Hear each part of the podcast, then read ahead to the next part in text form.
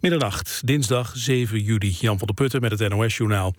Premier Rutte is somber over de EU-top van morgen... waar gepraat wordt over Griekenland. Als de Grieken niet bereid zijn strakke afspraken te maken... houdt het volgens Rutte op. Ze moeten niet met een flutverhaal komen... zei de premier in het Kamerdebat over de Griekse schuldencrisis. Hij zei ook dat de Grieken een enorm risico hebben genomen met het referendum... terwijl een oplossing dichtbij was. De Europese Centrale Bank geeft geen extra geld aan de Griekse banken. Dat heeft de ECB besloten in een telefonische vergadering. De noodkredieten zijn al meer dan een week bevroren. Griekse banken hadden gehoopt op een nieuwe geldinjectie van de ECB... zodat ze weer open kunnen. De banken in Griekenland zijn al een week dicht... omdat ze te weinig geld in kas hebben. Ze blijven zeker tot en met woensdag gesloten. Er komt een nieuw landelijk smokalarm. Staatssecretaris Mansveld vindt dat mensen met luchtwegaandoeningen beter moeten worden gewaarschuwd voor smok. Zo moet het alarmniveau van 200 microgram fijnstof in de lucht naar 70 microgram, zoals in België. De RIVM gaat een nieuwe manier van waarschuwen ontwikkelen met onder meer een smok-app.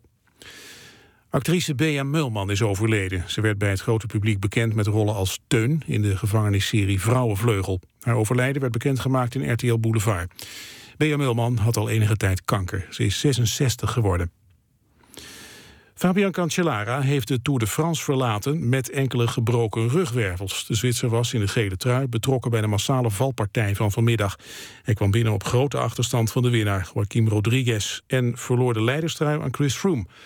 In totaal hebben zes wielrenners de Tour verlaten met verwondingen als gevolg van de grote valpartij. Onder hen is ook de Nederlander Tom Dumoulin. Dan nog het weer. Vannacht bijna overal droog. Overdag vrij warm, 25 tot 30 graden. S ochtends geregeld zon. In de middag en avond kans op onweer. Dit was het NOS Journaal. NPO Radio 1. VPRO. Nooit meer slapen.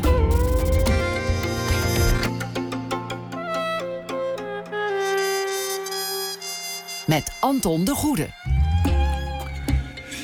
Goedenacht, welkom bij Nooit meer slapen. De architectuur van Nederlandse stations wordt steeds grootschaliger. Zo lijkt het. Architect Jan Bentum laat ons na één uur horen wat de rol is van die stations voor onze steden. En honderden studenten studeren deze zomer af aan een van de vele kunstopleidingen die Nederland telt. We gaan langs bij Sint-Joost in Breda, waar het afstudeerwerk van fotografe Tane Klein is te zien. Zij heeft haar familie in de stijl van de 17e-eeuwse schilder Jan Steen vastgelegd. U weet wel van het huishouden van Jan Steen. Ook dat te horen straks na één uur. En dit uur is te gast Erik Kessels. Reclamemaker en nog zoveel meer. Trouwens, over de uh, Academie Sint-Joost in Breda gesproken. Welkom trouwens, Erik Kessels. Dankjewel. Um, ooit was jij daar student. Ja, klopt. Goede opleiding? Ja, zeker. Uh, op dit moment ook zeker nog, ja. In welk jaar studeerde je daar af? Oeh, dat, uh, dat, dat, uh, dat ben ik even vergeten. Hoe oud ben je nu?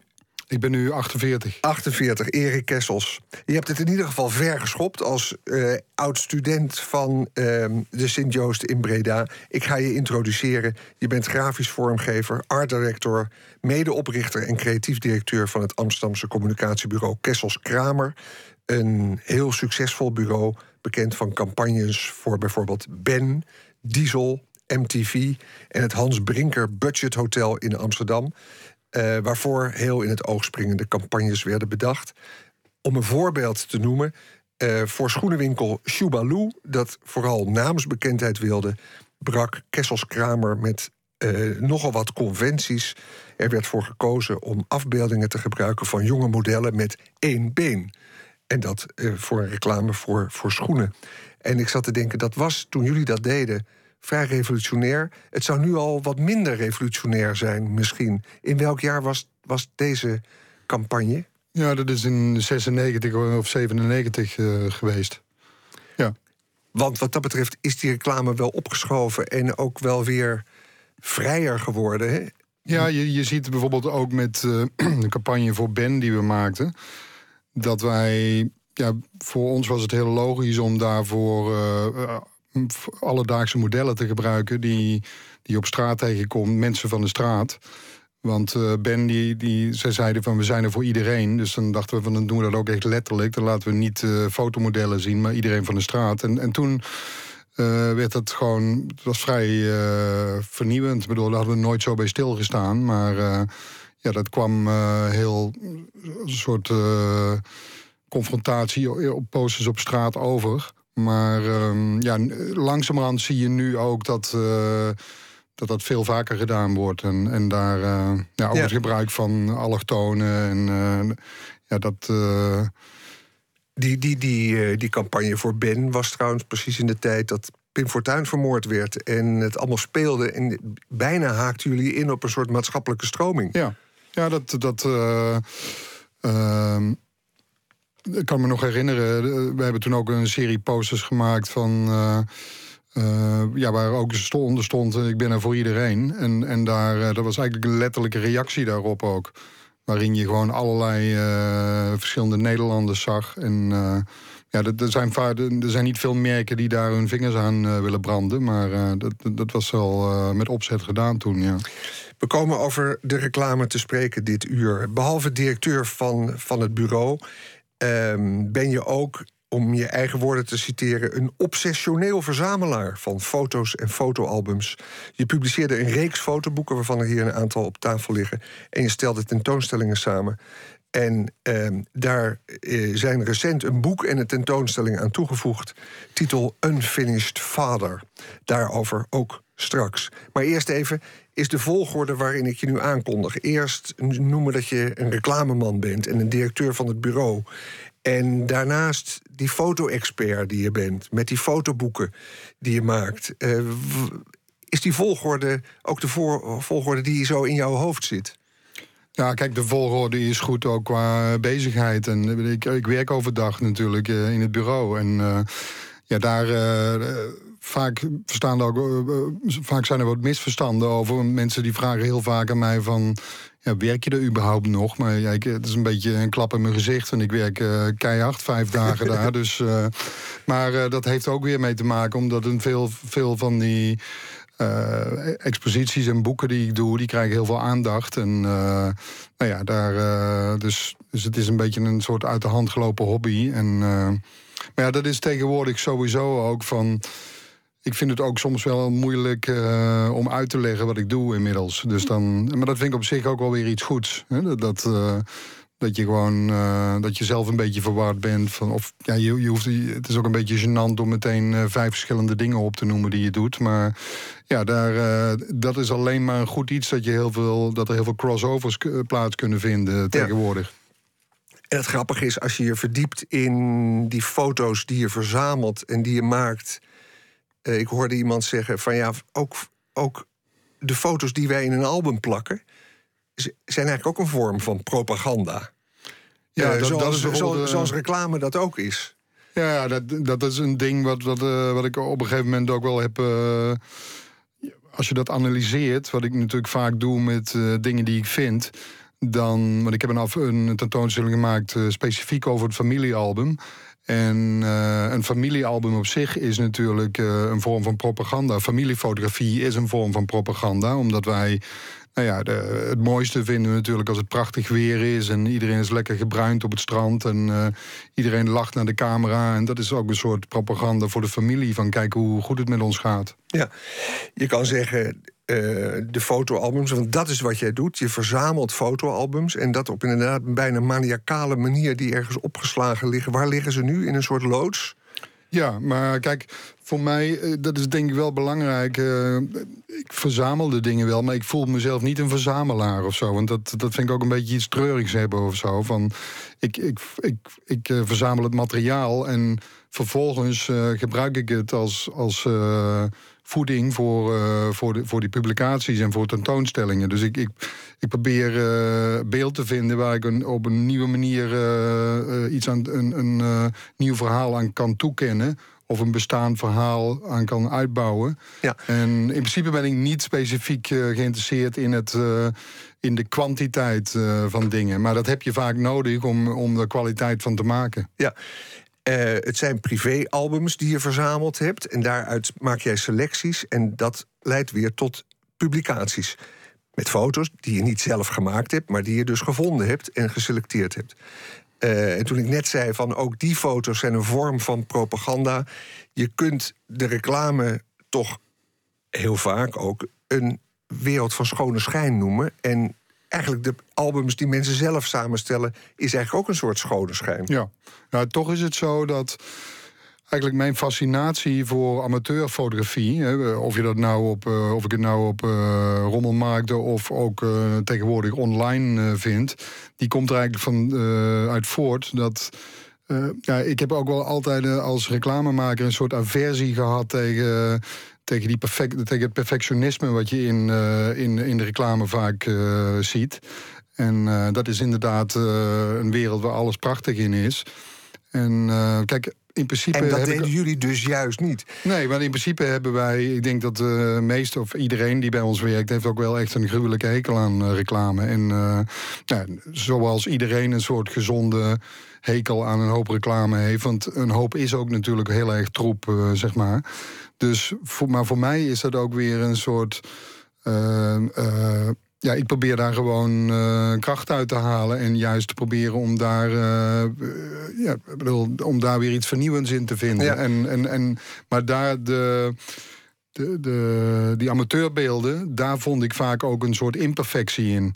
En soms uh, dat inspireerde me weer om ook in het werk soms weer in reclamebeelden ook een imperfectie te. Dus zeg maar voor uh, diesel voor die modeklant. Uh, ja, om soms ook foto's te kiezen waar een model de ogen per ongeluk dicht had. En dat was eigenlijk een intensere foto dan uh, wanneer ze de ogen open had.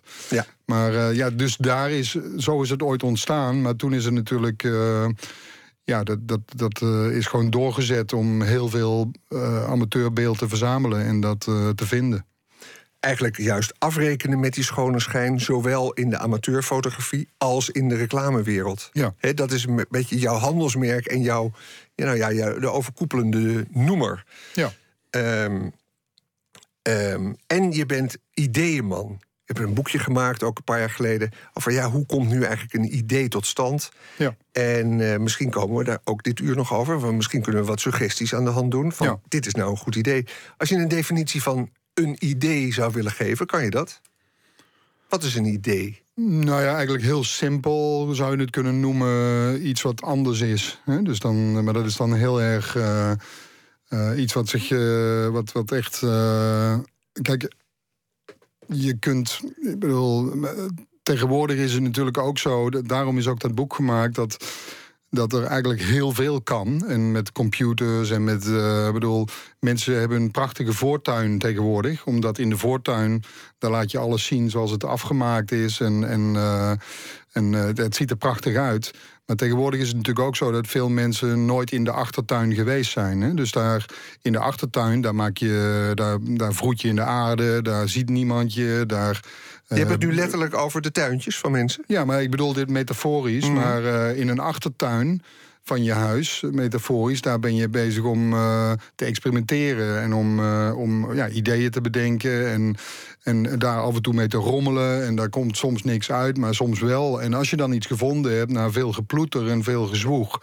dan draag je het door het huis heen naar de voortuin. En laat je het daar zien. Alleen dat boek gaat dan ook over dat uh, een idee dat ja, het komt ook vaak uit een soort uh, of intuïtie of een fout die je maakt of een. Uh, of iets. Uh, nou ja, er zijn. Maar, maar, er is niet één manier waarop dat, dat gebeurt. En het moet ook een soort van oorsprong hebben en een, en een verhaal hebben. En, een, en je moet het goed kunnen communiceren. En daarom is een voortuin, daar breng je het dan naartoe. En daar, ja, dat daar word je er dan op afgerekend of het ook wel echt goed is of niet. Jij zit het liefst in de achtertuin.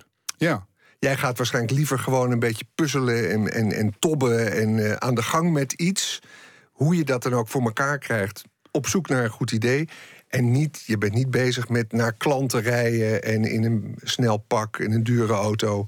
Nee, nee, ik heb nooit een snel pak of een dure auto gehad. Maar ik ga wel naar klanten toe natuurlijk. Maar uh, dan is het wel. Uh, het is wel interessant om 95% van je tijd in de achtertuin te zitten.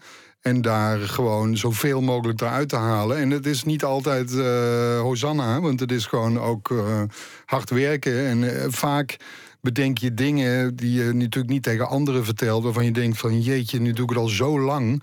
En dan ben ik nog dat soort clichés aan het bedenken. En die gaan door mijn hoofd heen. En, dus je moet eerst door een woud van clichés heen. En eh, om dan vervolgens op een klein stukje vruchtbaar terrein te komen. waar nog niemand geweest is. En heb je dan van dat soort Eureka-momenten dat je denkt: yes, nu heb ik het? Ja, dat, maar dat, ik bedoel, dat heb je niet elke dag. Maar, eh, Dat was bijvoorbeeld, waar, dat maar- was bijvoorbeeld je ging schoenen verkopen en je dacht een model met één been. Ja, maar dat heeft ook weer. eh, het, het komt nooit eh, alleen. Want het heeft ook weer te maken dat je denkt van. Oké, eh, dit was in de tijd waar je ook eh, waar Calvin Klein eh, prachtige zwart-wit fotografie tegen een wit muurtje had. En waarbij je altijd zoiets had van, nou ja, dit is alleen maar perfectie die ze laten zien. En eh, eh, ik had gehoord dat er ook heel veel eh, mensen zijn tussen de 18 en de 25, die, waarvan veel mensen het eigenlijk niet weten dat ze een. Een, eh, een- prothese hebben. En eh, die lopen op een prothese, maar als ze het afdoen, dan hebben ze gewoon één eh, been. En, en nou ja, daarvan was het dan het idee om hun een keer ook vol trots gewoon als een model gewoon een, in zo'n foto te laten staan. Maar dan kunnen ze maar één schoen aandoen en de andere houden ze dan vast. Dus dat, dat, dat is gewoon ook een beetje. Als, als eh, iedereen eh, over dezelfde snelweg rijdt eh, en, en doordendert, is het soms goed om, om, om een klein afslagje te nemen. Want dan kom je ook op een terrein, ja, dan kom je op een gebied waar iets anders plaatsvindt. Ja. Hoe, hoe sta je eigenlijk in die reclamewereld als je zegt dat 95% van de reclame eigenlijk stuitend is en, en niks voorstelt? Functioneer je daar eigenlijk in die reclamewereld of ben je, sta je daar helemaal aan de buit- buitenkant? Nou, de- de- ik hoop dat ik erin functioneer. Ja.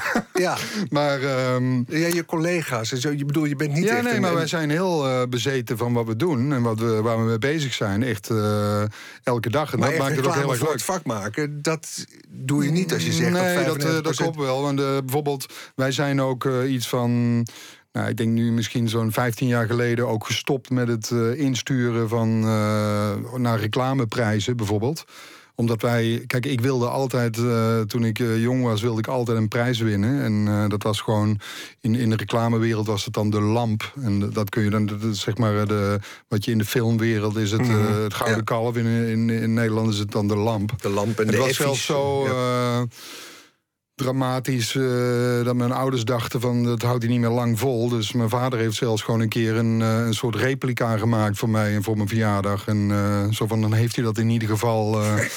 Dan en, komen we op die vader van je. Ja, maar Want je, ja, la- je, je, je pro- het project wat eigenlijk de aanleiding is om je nu uit te nodigen... ik zei al, is de Unfinished Father. ja. Ehm, dat gaat over je vader, of het is ingegeven door je vader. Ja. Zeg even voor de muziek, want we gaan zo meteen een plaat draaien... wat dit eh, project in het kort behelst. Ja, mijn, eh, mijn vader die heeft in 2013, eind 2013, een eh, hersenbloeding gehad. En hij was heel fanatiek daarvoor met het restaureren van Fiat Topolino's. Dat zijn autootjes uit de 30, 40 jaren. Italiaanse kleine Fiat, Fiatjes. Oldtimers. En die, ehm, ja, die, de, hij was bezig met de vijfde auto. En die kan hij niet meer afmaken. eh, Daar is hij niet meer toe in staat nu. Eh, hij is gewoon nog. eh, hij is gewoon nog goed bij en zo, maar hij kan niet meer dit werk doen. En hij kan niet meer praten, hij kan niet meer echt goed bewegen, maar hij, is wel met zijn geest er nog bij. Maar ja, dus hij kan dit niet meer doen. En ik kreeg een uitnodiging van een festival in, in Reggio Emilia in Italië. Om daar iets te doen vanuit de stad en vanuit die streek. En zodoende heb ik bedacht van, nou ja, als, eh, hoe mooi zou het zijn als ik de auto van mijn vader naar die streek eh, laat rijden. En dan een tentoonstelling maak samen met de foto's die hij van de restauratie gemaakt heeft. En dat heeft dan veel te maken ook met eh, zijn relatie tot die auto die unfinished is. Want ik heb de auto daar in delen ook geïnstalleerd samen met die foto's. En ook ja, mijn relatie ten opzichte van hem, die eigenlijk ook unfinished is. Ja, en die, eh, wat een ontzettend lief project, als je dat zo hoort, als een soort ode aan je vader. Ja. De vader die dus de effies en de, de lampen namaakte, de reclameprijzen. Waarna jij dacht, die zijn me eigenlijk dierbaarder dan die stomme lampen die ik krijg tijdens festivals. ja. ja. Hè? Dat, Absoluut. Dat wilde je net vertellen en Ja. daarover viel Ja. je in, in de reden. Ehm, Zometeen over dat eh, project Unfinished Father gaan we verder praten met Erik Kessels na de muziek. Eh, in aanloop naar de 40ste editie van North Sea Jazz Festival, dat komende vrijdag in Rotterdam begint, draaien we deze week in Nooit meer slapen muziek van artiesten die daar optreden. Nu gaan we luisteren naar de Amerikaanse groep Alabama Shakes. Van hen is dit This Feeling.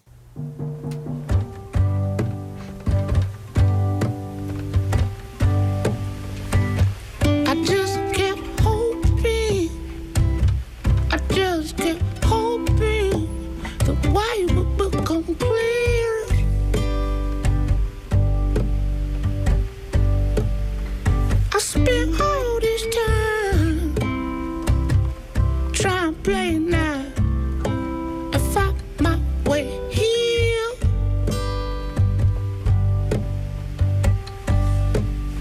See, I've been having me a real hard time. But it feels so nice to know I'm gonna be alright.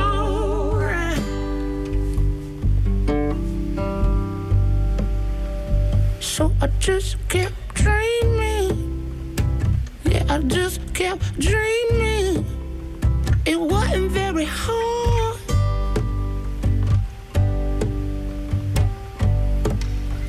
I spent all this time trying to figure out why nobody on my side.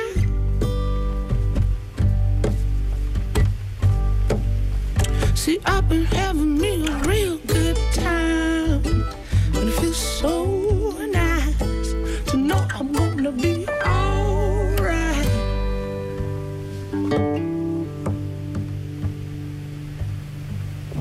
So please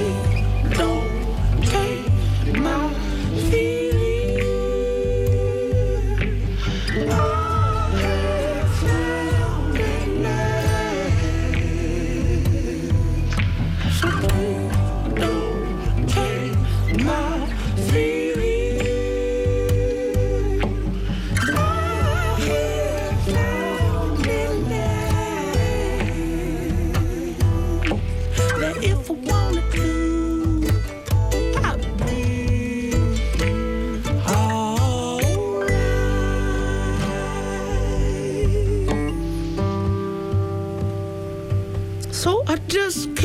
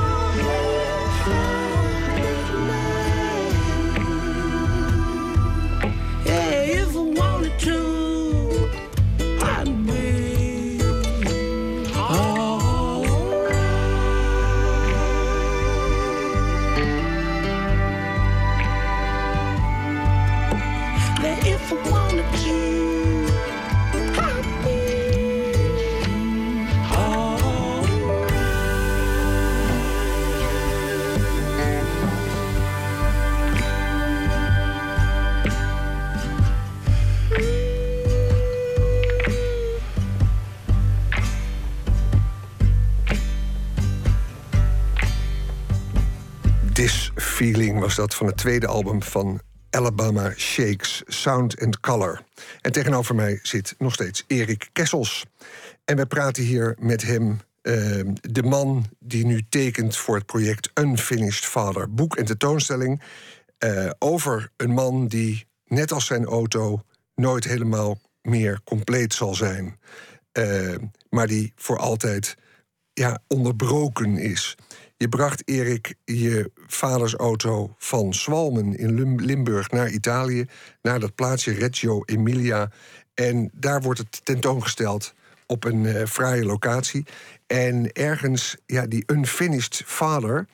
eh, je, hebt, je hebt ideeën je, in de reclamewereld, in de fotografie. En je zegt: een van de dingen die ik van hem geleerd heb, is laat niets unfinished. Je moet het afmaken. Ja. Hier heb je de daad bij het woord willen voegen door het af te maken wat hij niet meer kan afmaken. Wat is zo belangrijk aan iets afmaken? Want het, dat, dat geldt ook voor in je werk, zeg je. Ja, kijk, eh, ik denk dat eh, ook in het werk is het vaak bijvoorbeeld in, in het maken van reclame. Ik denk niet dat iemand geboren is om met een talent eh, als reclamemaker bijvoorbeeld, of een talent als het, eh, ja, wat dan ook. Maar eh, in, in elk creatief vak moet je natuurlijk ook heel, daar leer je veel door veel te maken en echt, echt veel te maken en uren te maken en, en ook veel fouten te maken. Dan Als ik te- terugkijk naar hoeveel ik gedaan heb en, hoeveel, en, en wat voor rotzooi ik in het begin maakte, waardoor ik weer geleerd heb. En dat is Nou ja, natuurlijk. eh, ja, ja, vallen en opstaan. maar dat is, het is wel. eh, Maar dit, dit, dit idee, het is ook, je kan zeggen, het is een idee om die vader eh, te volgen in het maken van, van. Je maakt er een boekje van, die, foto's die verzamelen, die hij zelf heeft bijgehouden. Maar ja, jij gaat verder. Je gaat naar Italië, je organiseert dat daar een expositie komt. Ehm, ja, mensen zullen dat ook heel bizar en wonderlijk vinden dat je daar zoveel tijd en moeite in besteedt. Aan besteedt. nou ja, kijk. eh, ik, denk, ik weet niet of het zo wonderlijk is. Ik bedoel, ik word, eh, je wordt uitgenodigd en dan probeer je een connectie te maken. Ik heb er nooit, ik heb nooit aan gedacht om eh, meteen aan gedacht om iets met mijn vader te gaan doen. En, eh, Want hoe is dat idee, als we het over idee hebben, dan ontstaan? Nou ja, dus zo'n stad die vraagt of je. De, de, de, de, de, de, de- het bestuur van de stad die vraagt of jij iets wil maken voor die stad, voor Hoe dat kom- festival. hoe- maar hoe kom oh, voor het is een fotofestival. Ja. En daar kennen ze inmiddels Erik Kessels met Ja. zijn bijzondere fotoreeksen. Ja. Dus die, je, faam eh, verspreidt zich natuurlijk. ja, op die ja, dus eh, daar eh, er zijn, ja, er zijn nu het hele jaar door vrij veel tentoonstellingen ook over de hele wereld die dan met, met deze boeken en met, en met, dat, met die tentoonstellingen en met dat werk. Maar in dit geval moest ik het helemaal vanaf scratch doen. En nou ja, ik had niet echt tijd om naar die plek toe te gaan. En ja, toen eh, hebben zij me wat eh, beelden uit een archief gestuurd van, van, eh, van die stad. Want ik, ik zei van, stuur me dan wat dingen van een, een straatfotograaf van, je, van, je, van, de, van de stad. Of iemand die op, een, op een studiofotograaf. En toen kwamen er beelden binnen. En opeens zag ik zo'n Topolino op een van die beelden. Wat natuurlijk vrij voor de hand ligt. Want het was vroeger echt een soort hele alledaagse auto daar.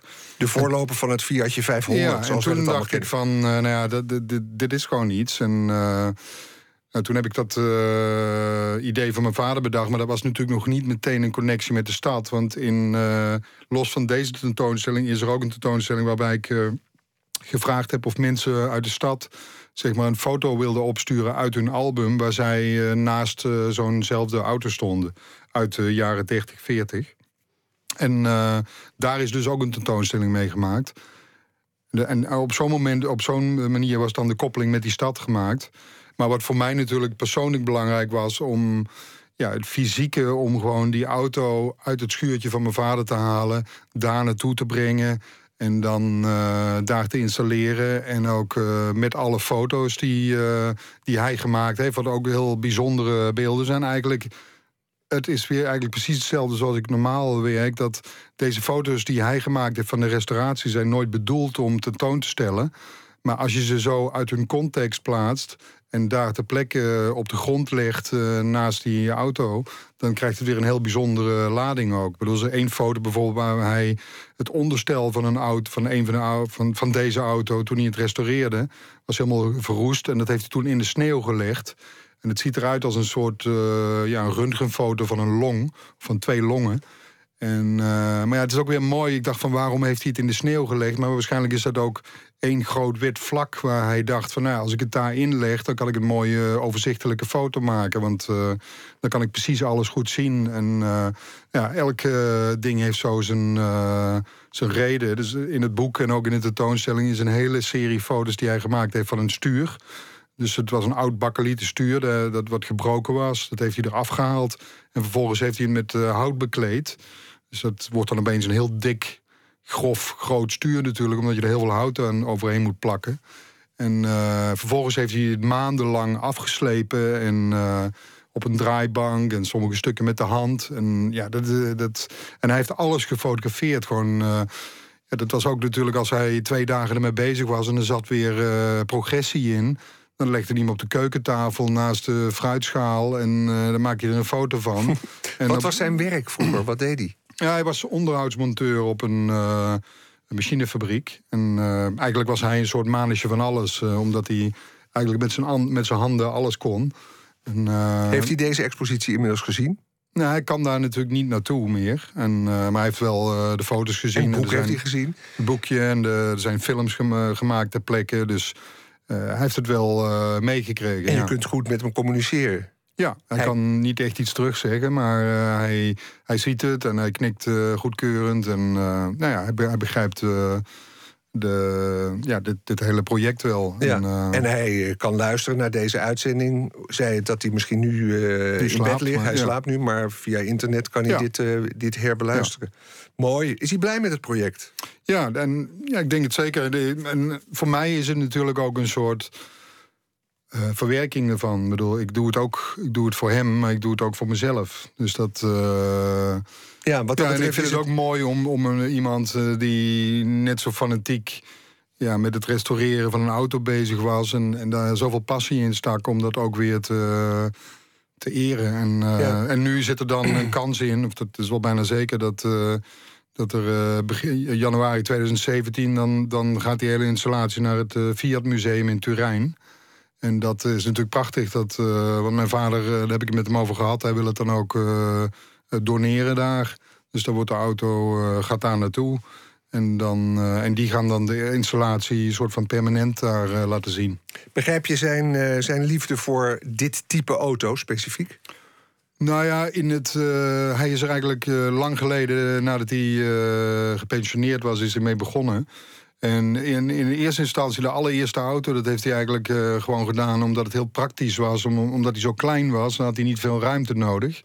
En, eh, maar inmiddels heeft hij er eh, vijf of vier en een half gemaakt, zeg maar.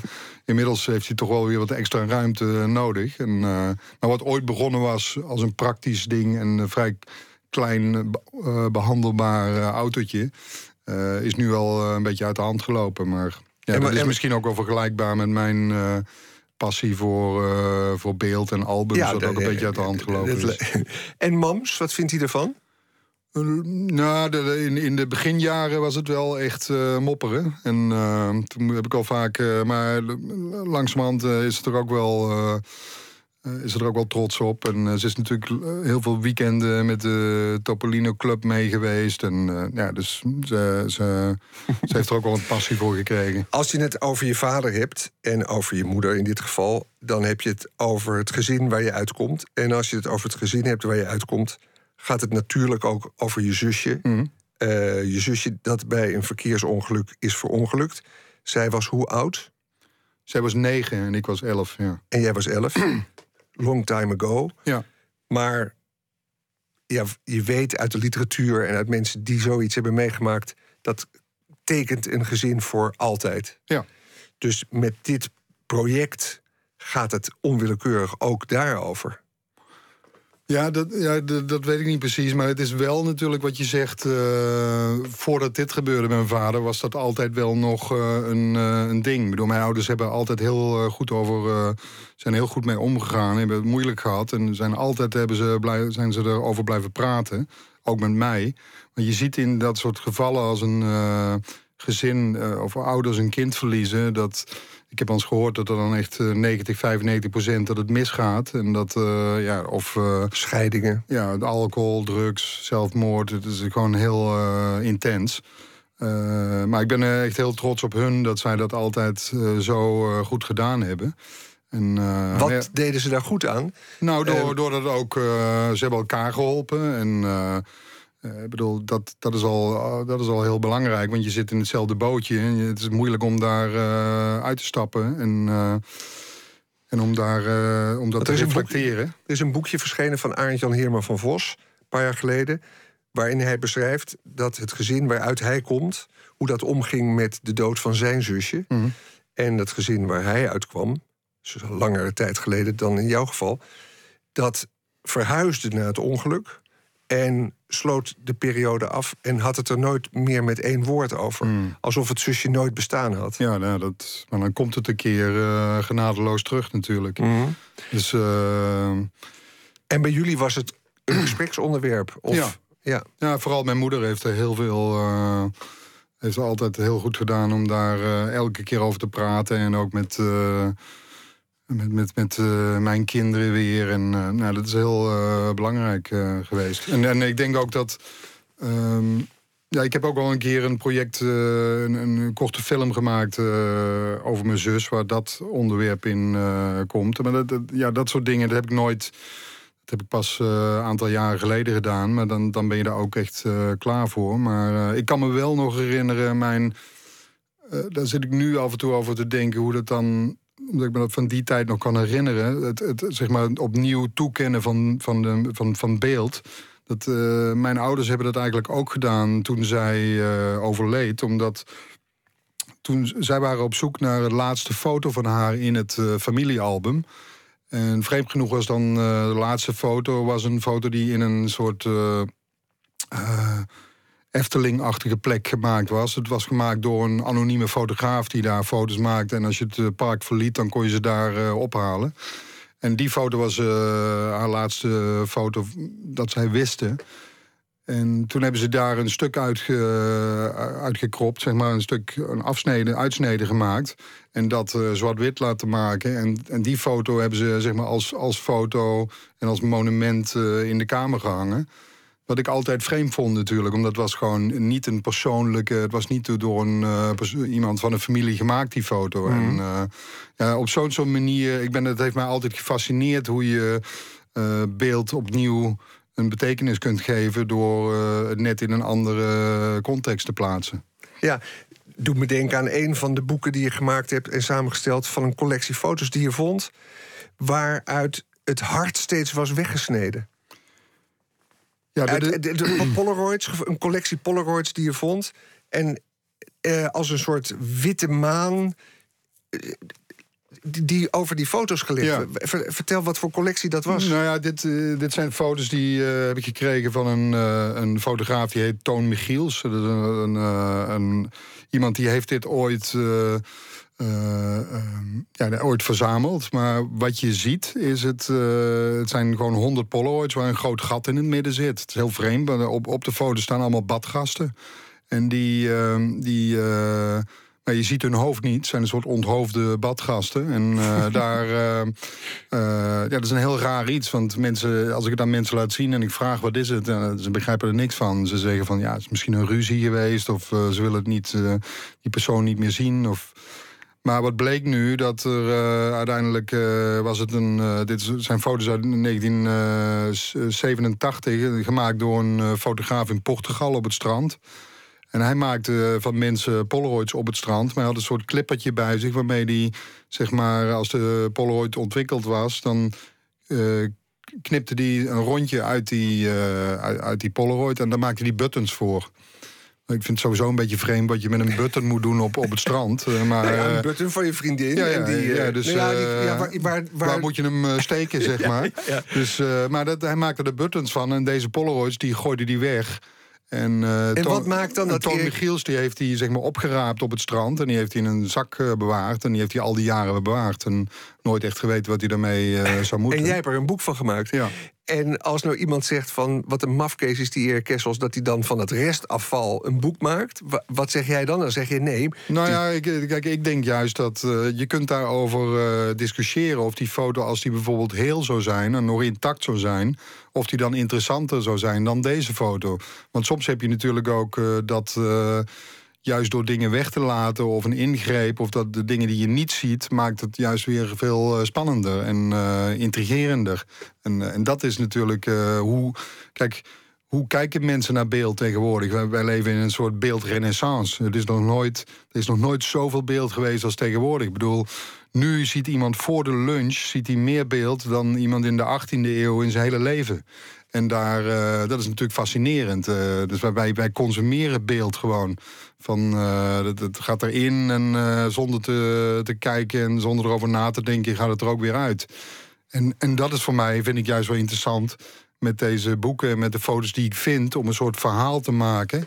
En dat ja, mensen op een andere manier te laten kijken.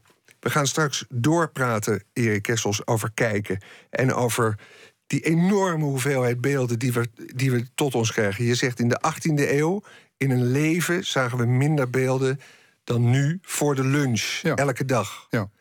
Maar ja, we nemen het niet allemaal in ons op waarschijnlijk. Nee, dat, uh, dat lijkt me duidelijk. Want hoor je, kijk, want mensen zijn nu ook.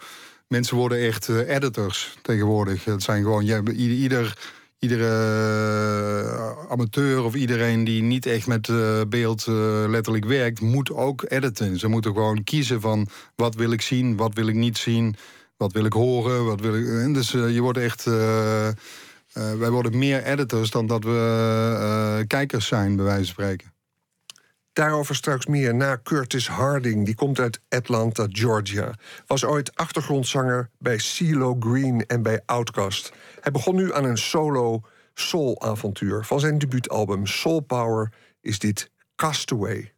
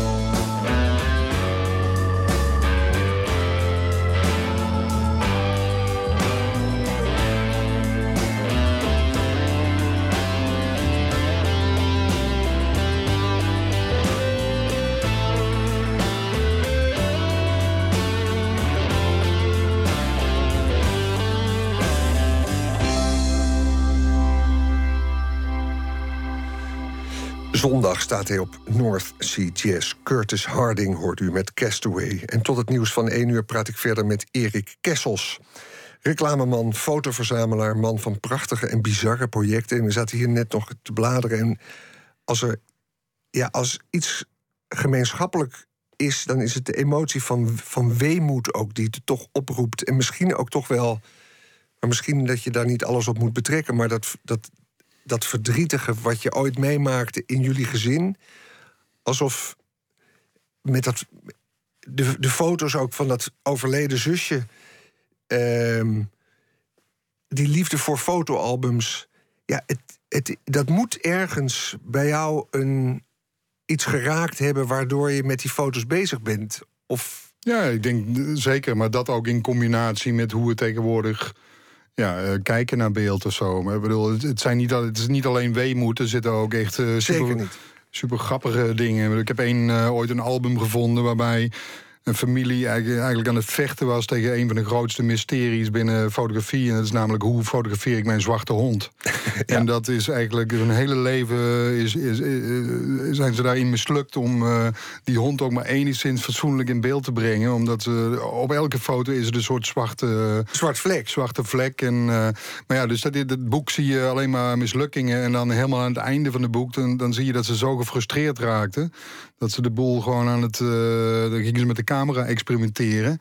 En toen hebben ze de boel zo erg overbelicht dat eindelijk dat je de hond gewoon eh, een keer eh, goed in beeld zag. Maar dan was de rest totaal wit. Dus dan. Ja, en dit vertel je eigenlijk omdat hier. Het is een heel humoristisch Ja, dus, want heel veel. Ja, daar, zitten natuurlijk ook eh, ja, bij, een amateur. En, dus dit, dit zijn allemaal eh, foto's die ooit door een amateur gemaakt zijn. En, eh, ja, en vaak als het op een markt belandt, dan, dan is de familie gewoon helemaal verdwenen en, en is iedereen overleden. En, maar ja, kijk daar. door de fouten die een amateur maakt of de hilarische hobby's die iemand heeft. En ik heb ook een boek gemaakt van een serie foto's die ik op Flickr vond. En dat was een, was een man en een vrouw uit Florida. En eh, die man was een fotograaf, of een amateurfotograaf. Maar hij, had het, eh, hij vond het echt eh, fantastisch om zijn vrouw in het water te fotograferen. Dat was een soort liefhebberij van hem om zijn vrouwen in het water te fotograferen. Maar dat, dat, dat ging een beetje verder doordat hij ook steeds. Ik bedoel, zij moesten op een gegeven moment ook de kleren aanhouden en de kleren nat maken. En ja, dit is een hele. dat dat is echt een super grappige serie. Er zat eh. misschien ook wel een seksuele kant aan. Ja, maar eh, toch als je het boek ziet, is het, eh, is het meer grappig dan... eh, het Ja, is een soort eh, wet cloth eh, fetish eh, hebben zij Ja. dan. Het is ook niet een hele knappe, aantrekkelijke vrouw. Eh, Nee? Nee? nee? Oh, nee, ik vond van wel, maar... Oh, eh, ja. Ehm, Martin Parr uit Engeland, die heeft ooit hele mooie dingen over jou gezegd. En die ziet jou zitten als ideeënman. En die, die, die heeft het gevoel dat hij weet waar jij mee bezig bent. Kan jij uitleggen wie Martin Parr is? Ja, Martin Parr is ook een. eh, Hij is natuurlijk al op eerste plaats fotograaf, maar daarnaast eh, heeft hij ook een enorme passie voor het eh, ontdekken van, van beeld en het verzamelen van eh, fotoboeken, maar ook heel erg eh, gefascineerd door jonge mensen weer verder te helpen en eh, daar. eh, eh, ja, dingen op te pakken en dat te laten zien aan anderen en dan tot op een ander niveau te brengen. Ja. En, En hij heeft ook selecties gemaakt van fotoboeken die hij de moeite waard vindt. Ja. Waardoor die fotoboeken weer enorm verzameld worden. Dus hij heeft die hele fotowereld een enorme kick gegeven. Ja, ja. En, hè? en vanmiddag zei iemand: eigenlijk is Erik Kessels de Nederlandse Martin Parr. Mhm. Eh, dus dat is een enorm ja, dat is een compliment, maar dat is ook eigenlijk, je zit in diezelfde wereld. Als jij nu zegt, ook voor de muziek, ja, wij worden dus overspoeld met beelden en, en fotografie nu is eigenlijk helemaal niet meer de fotografie van, van 30 jaar geleden of van 20. Het is totaal anders geworden. ja. De- ah, wat, wat betekent het? Het be- betekent onder andere dat bijvoorbeeld een fotograaf als Hans Aarsman... eh, die vroeger eh, indrukwekkende foto's maakte, daarmee gestopt is... en nu voor de Volkskrant die prachtige rubriek heeft... waarin hij foto's selecteert en daarover vertelt. Ja, nou, dat, dat is dus ook eh, iemand waar, waar ik vaak wel mee samenwerk. Maar die heeft dezelfde soort van instelling van... waarom zou je niet... met het beeld werken wat er al is. Eh, want er zijn eh, zoveel beelden voorradig waar nog, waar nog niks mee gedaan is. Waarom zou je dan eh, beginnen met weer nieuwe foto's te maken? Snap je? En dat is een soort manier hoe- van denken die, die wel interessant is. Je, je ziet nu ook dat er heel veel eh, jonge kunstenaars maken eh, heel veel project- projecten met bestaand beeld wat ze van internet halen. En dat opnieuw weer een eh, betekenis geven door het net anders in een andere context te plaatsen. En ja, dat noemen ze dan in het buitenland reappropriation. En, en dat, dat zie je in heel veel. ik heb vorig jaar een hele grote tentoonstelling in San Francisco gehad die daar alleen maar over ging. Dat die heette dan Second Hand. En dat, was, ja, dat zijn allemaal mensen die een tweede hand hebben gehad in, in eh, een bestaand beeld. En, en, eh, ja, dat, is wel een interessant eh, onderwerp. Hoe ga je als reclamemaker om met het fenomeen dat mensen zo overspoeld worden met beelden? Nou, kijk, dat is. Het feit dat ze overspoeld worden, heeft ook ermee te maken dat, er, dat ze vaak niet meer kijken naar een beeld. Maar dat, dat, dat heeft weer iets te maken met dat dat beeld een soort stereotype is. En, en eh, daar ook niet meer naar gekeken wordt. Dus je ziet bij veel reclames die in een bepaalde categorie zitten met auto's of met eh, eh, parfum, parfum. Of het, het zijn allemaal dezelfde. eh, eh, er worden allemaal dezelfde stereotypen in gebruikt. Een, een eh, mooie zwart-wit foto met een, met een gekleurd flesje onderin. Maar dat is een- eigenlijk niks nieuws. Dat is, dat, hè, dat is eigenlijk van alle tijden. Ja, behalve dan dat het nu eh, natuurlijk eh, nog veel eh, intensiever is waar je ook bent. Hè? Dus ik bedoel. het aantal internet- clichés neemt toe. Ja, dat denk ik zeker. Ja. Nou, en, en ik denk dat contactmomenten met reclame natuurlijk ook verveelvuldigd zijn door de jaren heen. Natuurlijk met internet en met ja, een hoop andere media waar je dat ook in tegenkomt. Maar En inha- inhoudelijk, ik zit net te denken, er is een tijd geweest. Vroeger had je natuurlijk veel tekst in reclames, heel vroeger. ja. Hele verhalen. Het werd steeds korter. En misschien komt er nu wel weer een tijd dat de tekst weer terugkomt. het zou mooi zijn, ja. Dat ben ik Ja, wel- zou je dat leuk vinden? Ja, ja.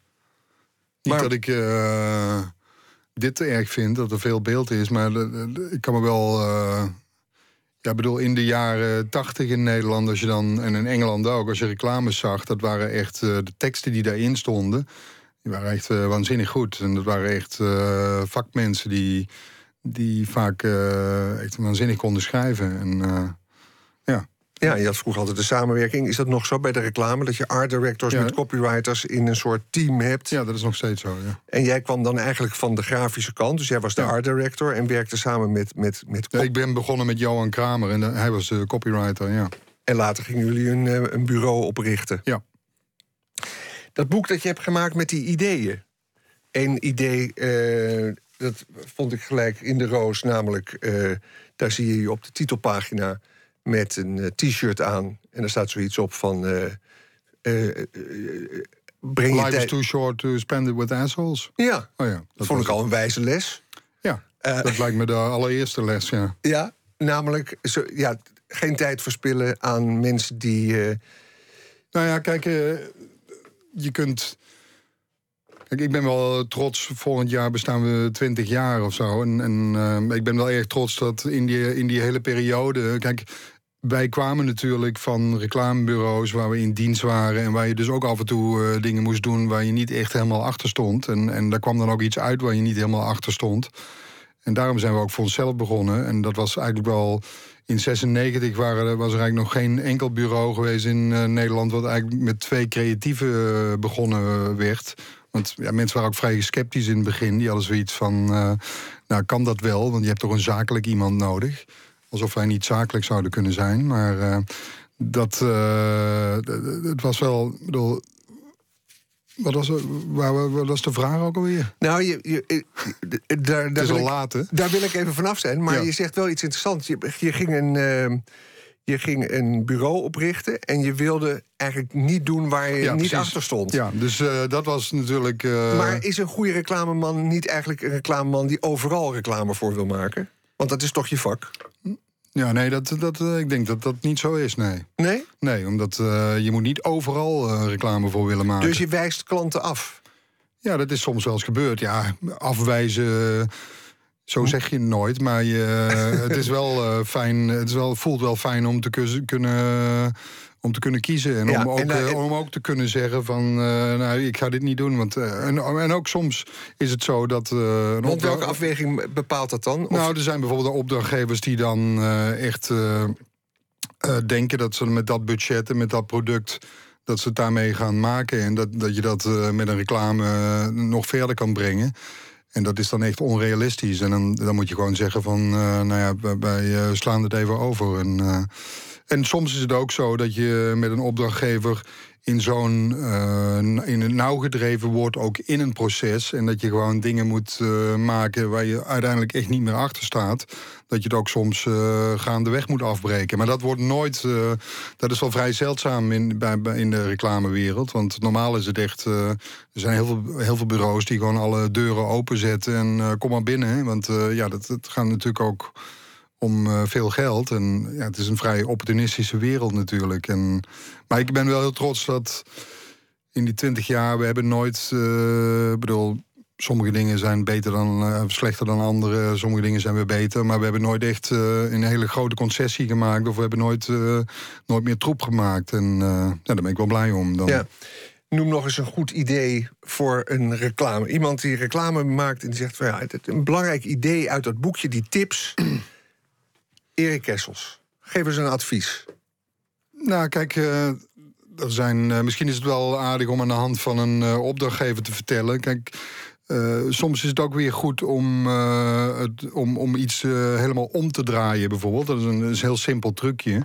Eh, wij, wij bijvoorbeeld, een van onze eerste opdrachtgevers was een budgethotel in, in Amsterdam. We werken er nog steeds voor. Dat was ook onze eerste klant. En eh, daar. eh, Een heel morsig eh, ja, dus, hotel. eh, een, waar heel eh, veel studenten op afkomen, want het is voornamelijk studenten en goedkoop. backpackers. En, eh, nou, ik kwam daar binnen eh, toen... eh, ze- ze- hij belde als eerste, de manager van het hotel. En ik kwam daar binnen de volgende dag en het was echt... eh, ja, onmogelijke zaak om daar nou iets van te maken. Dat, dat dachten we. Maar toen hebben we op een gegeven moment toch bedacht van... eh, misschien zou het wel mooi zijn om eh, dat eerlijkheid hun enigste luxe is. En eh, dat is natuurlijk ook een soort manier van denken. En vervolgens hebben we... Dat, dat was eigenlijk het idee. Van, wij profileren het hotel dat eerlijkheid hun enigste luxe is. En ja, dat hebben we altijd gebruikt door te zeggen van... eh now a bed in every room. Of now even more dog shit at the main entrance. En we hebben eigenlijk het hotel als een hele echt eh, eh, ironische, eh, een soort anti-reclame manier hebben wij dat, hebben we het hotel verkocht. Met heel veel humor. En, Ja. en ik denk dus ook dat het een aardige eigenaar was... en dat het goed was met ze te werken. Dat, dat, de ja, maar hij goed. merkte ook dat. kijk, we zijn. toen we begonnen voor het hotel hadden zij 60.000 overnachtingen. En nu hebben ze er meer dan 150.000. Er is niet heel veel veranderd in het hotel. Maar ja, het is wel door continu dit verhaal te vertellen. En dat eh, daar echt een. eh, een eh, een groot verhaal van te maken, kun je het toch op zo'n manier doen. Dus dan door, door gewoon het onmogelijke toch mogelijk proberen te maken. Je moet in mogelijkheden denken, niet in, in problemen. En dat is. Kesselskramer. jullie hebben een website waar ook die, die, die uitingen voor Hotel Brinker Ja. in- op staan. En het is zeer vermakelijk. Humor, heel belangrijk aspect in wat jullie maken. Eh, en ook in de boeken die je maakt. Ik moet wijzen tot slot op die Unfinished Father tot 26 juli te zien. Maar dan moet je dus eigenlijk wel naar dat Fotografia Europea 015 eh, in Reggio Emilia in Italië. Ja, is er zijn mooi- veel mensen. Er zijn veel Nederlanders in deze tijd. Hè? Ja, prachtige omgeving. Sowieso eh, heel mooi om naartoe te gaan. Fantastisch dat je er was. Dankjewel. We blijven je volgen. Bijzondere reclamemaker. De Martin Parr van Nederland. Fotoprojecten, exposities en wat iets meer zei. Dank voor je komst. Oké. Na het nieuws gaat Nooit meer slapen nog een uurtje door. Dan horen we een kort verhaal van Carolina Trujillo. Geïnspireerd door de actualiteit. En we staan stil bij het overlijden van Pam Emmerik. Dat en meer straks na het nieuws van 1 uur.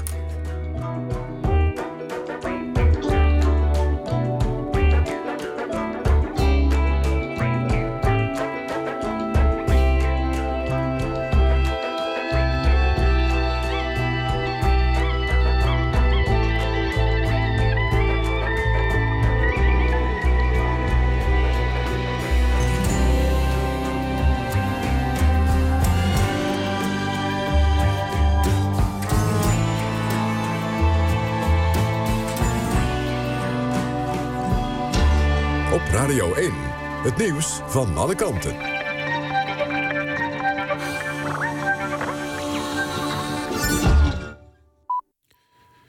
1 uur, Jan van der Putten met het NOS-journaal. Banken zijn de afgelopen jaren duurzamer gaan werken, maar het kan beter.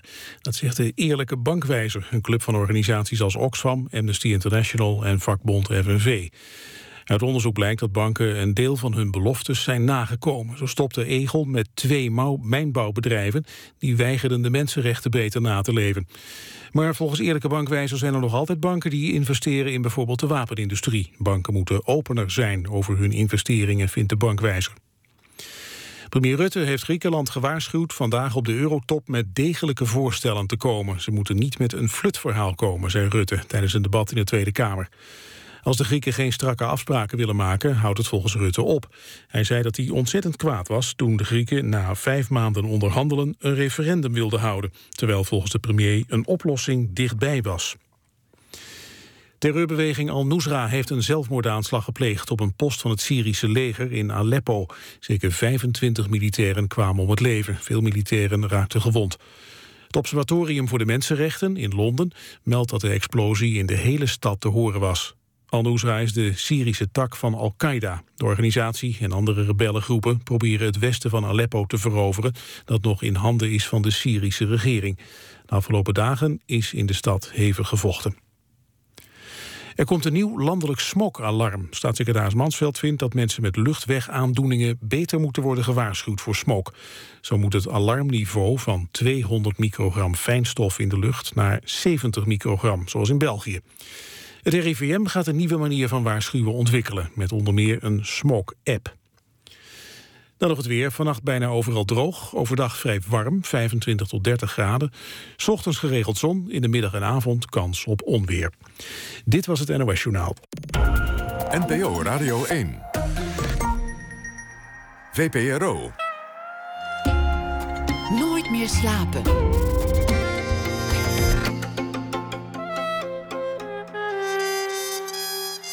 Met Anton de Goede.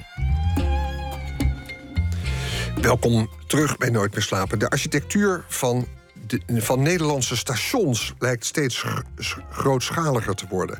Architect Jan Bentum laat ons straks zien hoe moderne stations een visitekaartje voor de stad kunnen zijn. En we gaan langs bij de Kunstacademie Sint-Joost in Breda, waar het afstudeerwerk van fotografe Tane Klein is te zien. Zij heeft haar familie, niet bepaald een modelgezin, zegt ze zelf, in de stijl van de 17e-eeuwse schilder Jan Steen vastgelegd. Maar we beginnen dit uur weer met een kort verhaal bij het nieuws. En deze week doen we dat met schrijfster Carolina Trujillo. Goedenavond, goedenacht. Goedenacht. Hallo. Ja, dag. Ehm, mooi dat je er bent. Ehm, mag ik maar met de deur in huis vallen en vragen wat, eh, wat je vandaag getriggerd heeft en geïnspireerd om een verhaal bij te schrijven? Ja, ehm, het ADM-terrein in Amsterdam. Ken je dat? Ja, dat is het terrein aan de overkant van de mensen die in de stad wonen, met, met het pontje mee. En daar eh, zaten vroeger scheepswerven.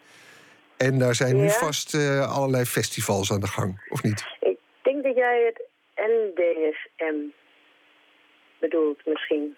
Oké, nou ja, ik ben aan de niet. overkant. En de, en de ADM is nog een stuk verder. Dat is eh, meer bij de Westhavens. Westelijke havens heet dat, geloof ik. Ik kom ook maar uit Uruguay. Ehm, maar het is een stukje verder. En eh, dat terrein is ehm, eh, 17 jaar geleden gekraakt. En daar wonen eh, heel veel mensen nu. En, ehm, maar ze gaan ontruimd worden.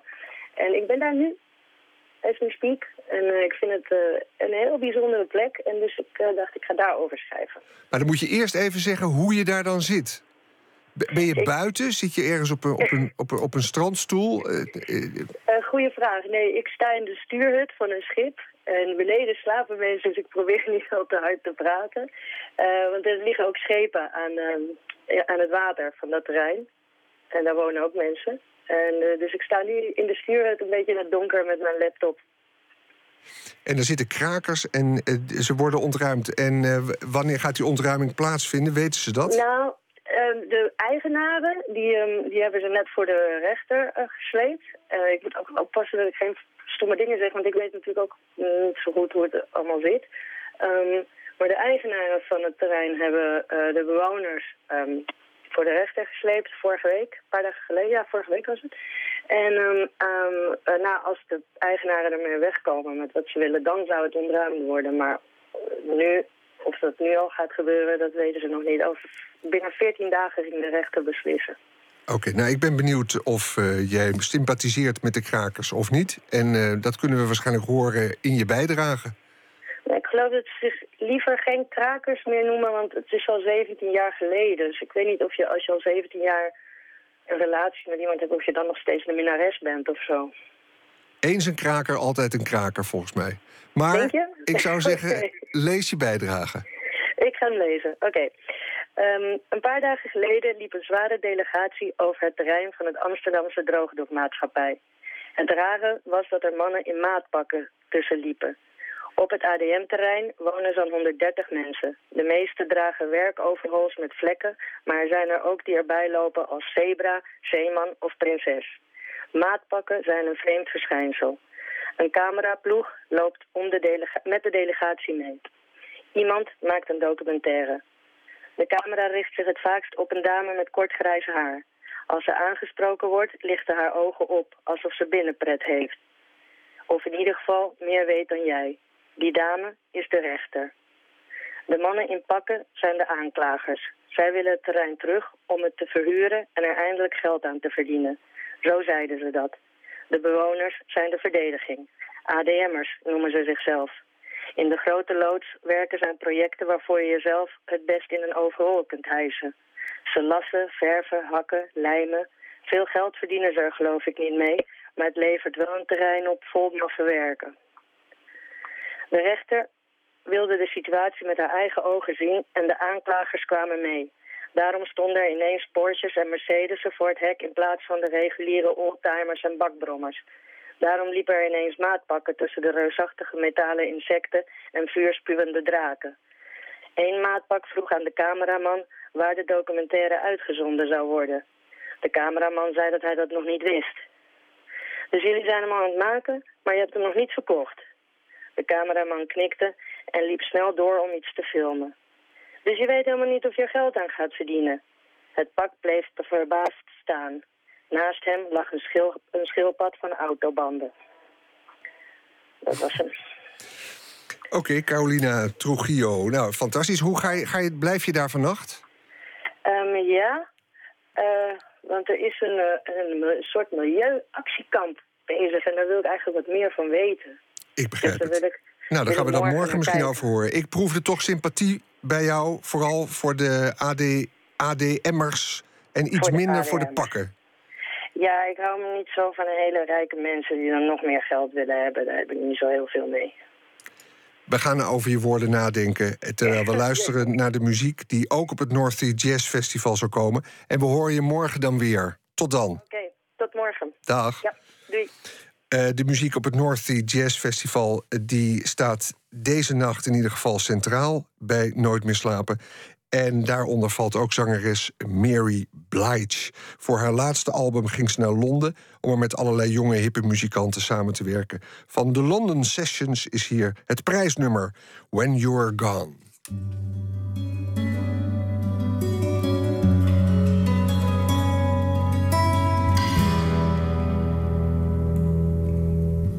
Seems like we were right, but you always have a problem with everything.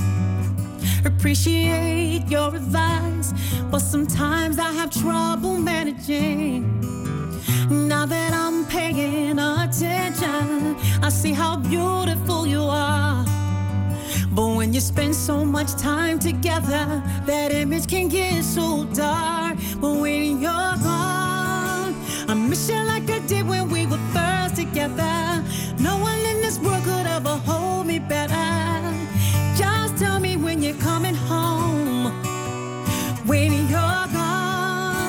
I miss you like you took a piece of me with ya. Didn't think I cared that much, did ya? Just tell me when you're coming home. Seems like we were right, but today I woke up on the wrong side.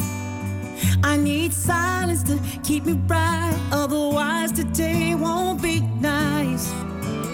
I wanna laugh with you again, my best friend. But friends can always leave, and we're too close, and too close is never easy. I miss you like I did when we were first together.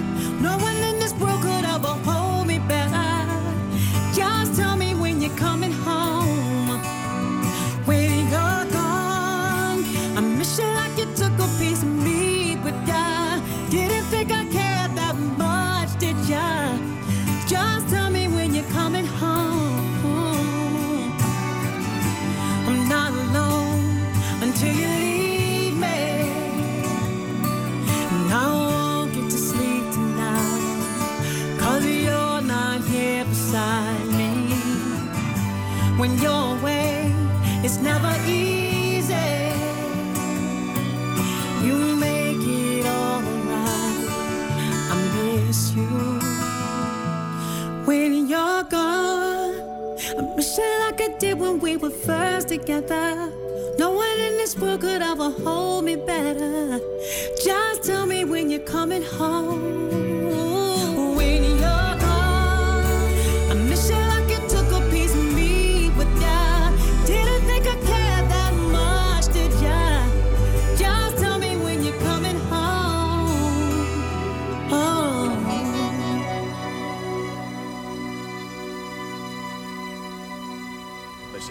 Said that she'd been waiting for someone to write with, like just fulfill exactly what she was looking for in terms of production and the beat. De Amerikaanse zangeres Mary Blige was dat met When You're Gone. Nooit meer slapen. Veel treinstations in grote Nederlandse steden hebben de laatste jaren een facelift gekregen. De nieuwe generatie megastations breekt met kleinschaligheid. En de architectuur is indrukwekkender dan ooit. Architect Jan Bentum is verantwoordelijk voor maar liefst vier stations. De grote stations van Den Haag, Utrecht, Rotterdam en Amsterdam. Met zijn architectenbureau Bentum Krauwel heeft hij veel grote projecten op zijn naam staan. Van luchthaven Schiphol tot de Zicodoom en het Stedelijk Museum. Verslaggever Nicole Terborg ontmoet Jan Bentum op Amsterdam Centraal Station... waar onlangs nieuwe delen zijn geopend.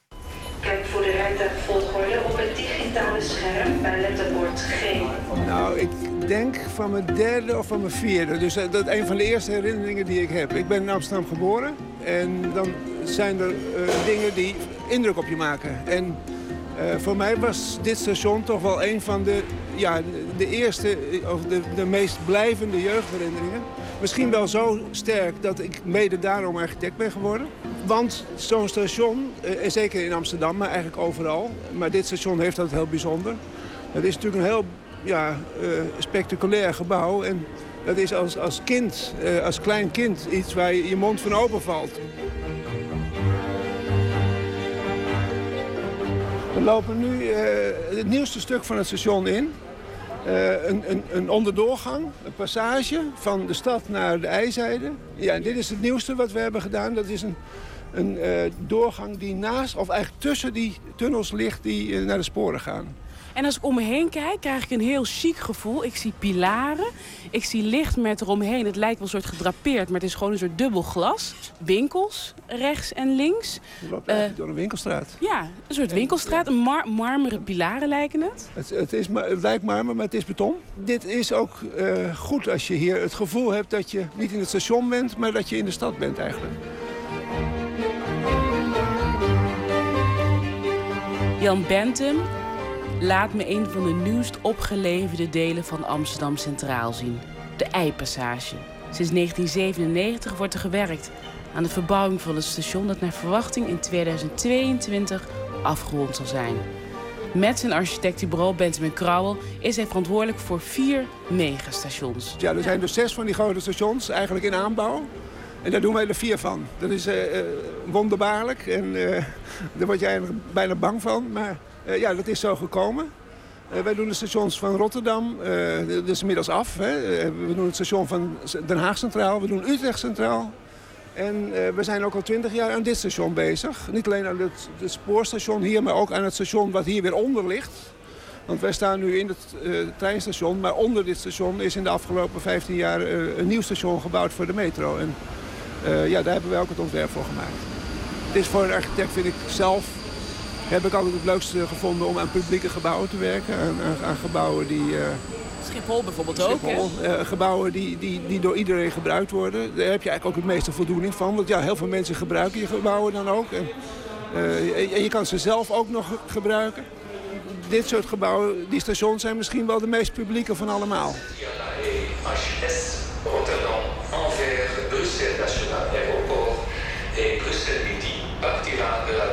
Wat mij opvalt, als ik eh, naar de nieuwe stations kijk, hè, in grote steden, vooral die stationsterminals, krijg je een soort luchthavengevoel. Ben je het daarmee eens? Ik hoor het vaker, dat die stations op luchthavens lijken. Wat mij betreft lijken ze vooral op, op overdekte pleinen. En eh, in Nederland is het toevallig dat ik ook nog de architect van Schiphol ben. En eh, ik daar ook een overdekt plein gemaakt heb als station. Eh, maar eh, in die zin lijken die nieuwe stations daar wel op. En ik vind ook dat eh, dat ook wel een heel passend beeld is, of een passende vergelijking is omdat die stations ook veel meer gaan functioneren als pleinen. En sterker nog, bewust door ons worden ontworpen als pleinen. Die nieuwe overdekte stadspleinen lijken weinig op de Nederlandse stations van voorheen. In Amsterdam was de aanleg van de metro Noord-Zuidlijn de belangrijkste aanleiding voor vernieuwing. In andere Nederlandse steden is de hoge snelheidstrein reden voor de verbouwing. De stations moeten meer passagiers aankunnen en een internationale allure hebben.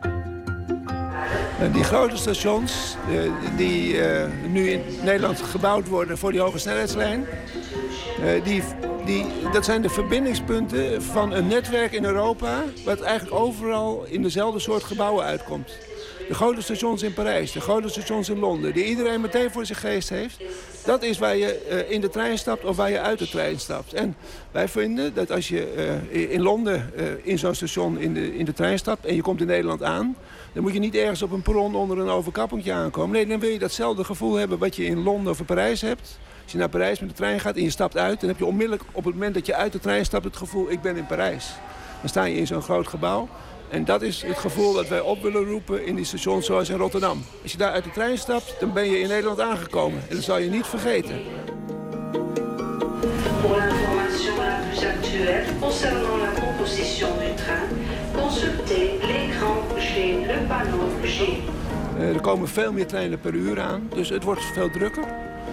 En een van de redenen om ze groot te maken is ook omdat we met eh, ja, dat concept van overdekte pleinen...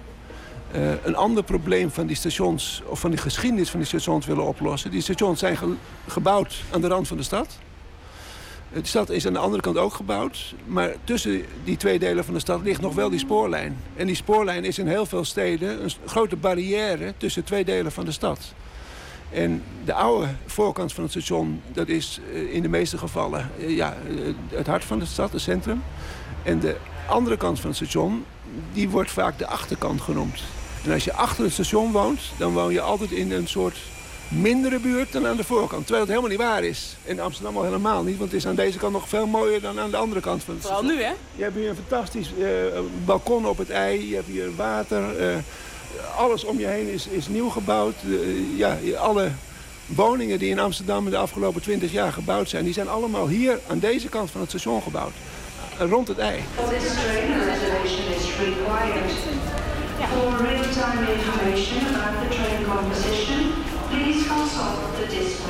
Voor ons een eh, foto van eh, Rotterdam Centraal. Die herken ik. Die, ja, ook verantwoordelijk voor, eh, voor dit gebouw. Een grote transparante hal. Het hoogste punt van de hal is ongeveer 30 meter. En we zien ook een plafond betimmerd met eh, houten plankjes.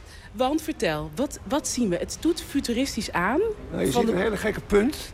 Eh, maar je ziet vooral een spectaculaire entree tot een station. Een heel, tot een gebouw waarin als je binnenkomt... je ook dat effect hebt van je mond valt open. Een station wat je misschien zou kunnen vergelijken... met de grote stations in Parijs, in Londen, in Madrid. in Antwerpen. Eh, daar heb je ook van die gebouwen waarvan als je er een keer geweest bent... dat je onthoud je ze altijd. Voor Rotterdam Centraal eh, heb je vele prijzen ontvangen. Het zijn er eh, volgens jou 12 en volgens gemeente Rotterdam zijn het er 15. Wat is het met Rotterdam Centraal? Dat vragen wij ons ook wel eens af. Maar eh, het is vooral het bijzondere dat dat station eh, vanaf de allereerste dag, nog niet eens nog voor het klaar was, in de harten van de Rotterdammers gesloten is. Dus dat de mensen daar het gevoel hebben, ja, dat is ons gebouw. Dat is niet het gebouw van de spoorwegen. Nee, dat is ons station. En dat was het gevoel wat we wilden oproepen met dat station. En eh, ja, daar hebben we ook alles in geïnvesteerd om, ja, om dat zover te krijgen. En ja, dat, ik denk, om, omdat dat gelukt is, krijgt het gebouw die prijzen.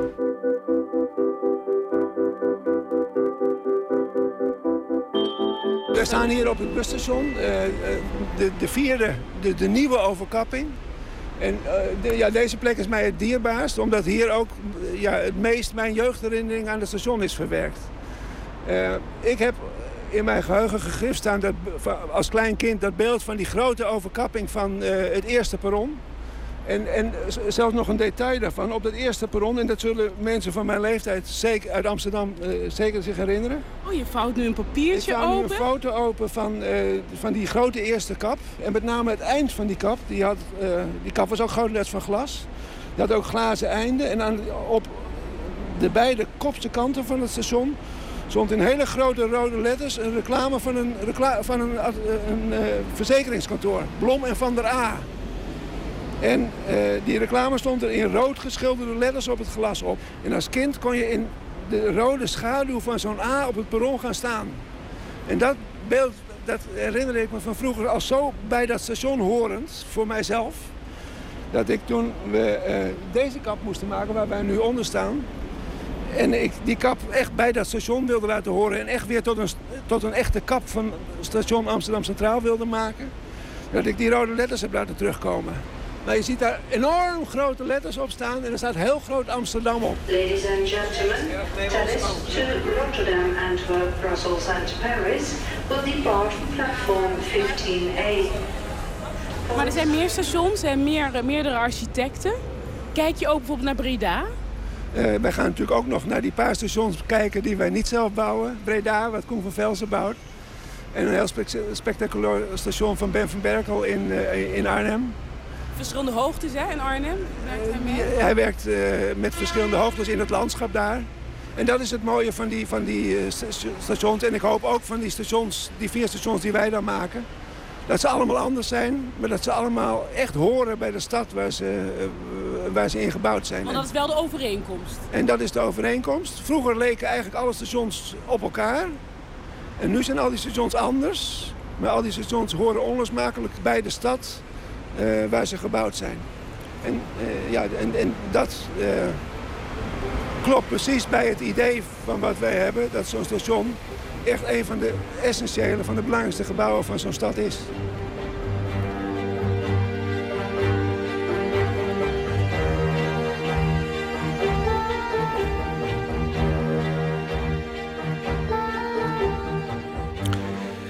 Architect Jan Bentum was dat, staande op het Centraal Station van Amsterdam... met naast hem verslaggever Nicole Terborg. Oren Atkin is een in Israël geboren klarinetist. Zijn nieuwe album Gathering Light nam hij op in New York, zijn huidige thuisbasis. En dat klinkt als een soort ontdekkingstocht naar uiteenlopende muzikale tradities. We gaan luisteren naar Nema.